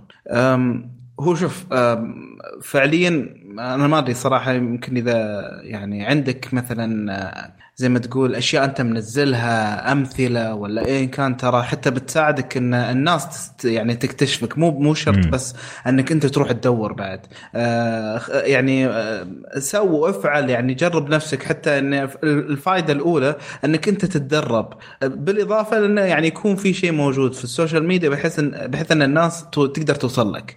آه يعني حتى لو ياخذ مثلا مقطع مثلا جاله على الواتساب ولا مقطع مثلا أخذه من فيلم ويحاول يسوي بالضبط. عليه شيء زي كذا بالضبط صحيح okay. بالضبط. ف وبعدين ينزلها انستغرام ما أدري تويتر ما أدري ايا كان. بعدين يصير مع الوقت الناس تبدأ تكتشفه يعني. لأن أنت لازم تشتغل بالطرفين. أنت تحاول تكتشف والناس تحاول تكتشفك. مم. آه وين ممكن تلقى شوف يا ريت تراسلني على الخاص بتويتر. راح أعطيك اللي هو آه، في اللي هو حساب آه، تويتر آه، حق ال- ال casting في السعودية. casting. in Saudi هو طبعا اجتهاد بس الناس مستفيدة منه يعني. هو يوصل الممثلين بالمنتجين بالهذا فممكن يفيدك بعد أيضا. آه، فهذا بالنسبة ل اللي هو النقطة حقت زهر. عندك أي شيء إضافة عمر قبل ما لأن في تكملة حق الكومنت بس. آه لا والله أنا زيك يعني بس أقول أنا ممكن يعني عشان الناس يسمعوني في ال- في البودكاست فممكن يعني أحد يسمعني كذا على الطاير. لكن بالنسبة لك أنت زي ما قال محمد أعتقد هي هذه الطريقة ال- الأنسب يعني. جميل. طيب وآخر شيء يقول تحياتي يا أحلى بودكاست في العالم والمجرة والكون وجميع العوالم الموازية بعد. ما. يسمعك ثانوس بس. أي إيه. والله. يعطيك على طول يعطيك العافية يا زلمه طيب شكرا محمد. الله يعطيك العافية على الفزعة السريعة هذه. حاضرين. آه كده نكون وصلنا نهاية حلقتنا. طيب آه الأفلام اللي تكلمنا عنها نرجع نذكر. آه أعطينا انطباع سريع في البداية عن آه فيلم Bird Box okay. تكلمنا عن فيلم Black's BlacKkKlansman وتكلمنا عن فيلم Tully غير كذا نكون هنا وصلنا نهاية الحلقة. أتمنى تكونوا استمتعتوا معنا. لا تنسوا تعطونا تعليقاتكم على موقع فيسبوك آه actually في حاجة مهمة أبغى أتكلم عنها. تقريبا باقي لنا لمستين ونخلص أه، الاستديو الجديد حقنا. طبعا شغالين على الاستديو حقنا من فترة فممكن عشان كذا تشوف ال- الشغل في اليوتيوب ضعيف شوية لأنه صراحة ما إحنا لاقيين وقت نشتغل على الفيديوهات عشان نبغى نخلص الاستديو في أسرع وقت. فإن شاء الله رجع قريبة يعني خلال أسبوعين نقول حنبدأ ننزل الفيديوهات على الأقل أسبوعين حلقتين في الأسبوع غير الأشياء ال reviews وهذا الكلام. فأنا ودي صراحة آه، ويهمنا كثير من المستمعين إنه يقولوا لنا إيه عن إيش يبغون نتكلم؟ هل يبغوا مثلا شروحات تقنية ولا شروحات فنية؟ مثلا إيش الفرق بين ال long shot وال short shot؟ مثلا شيء زي كذا. ولا هل تبغوا أشياء نقاشية مثلا؟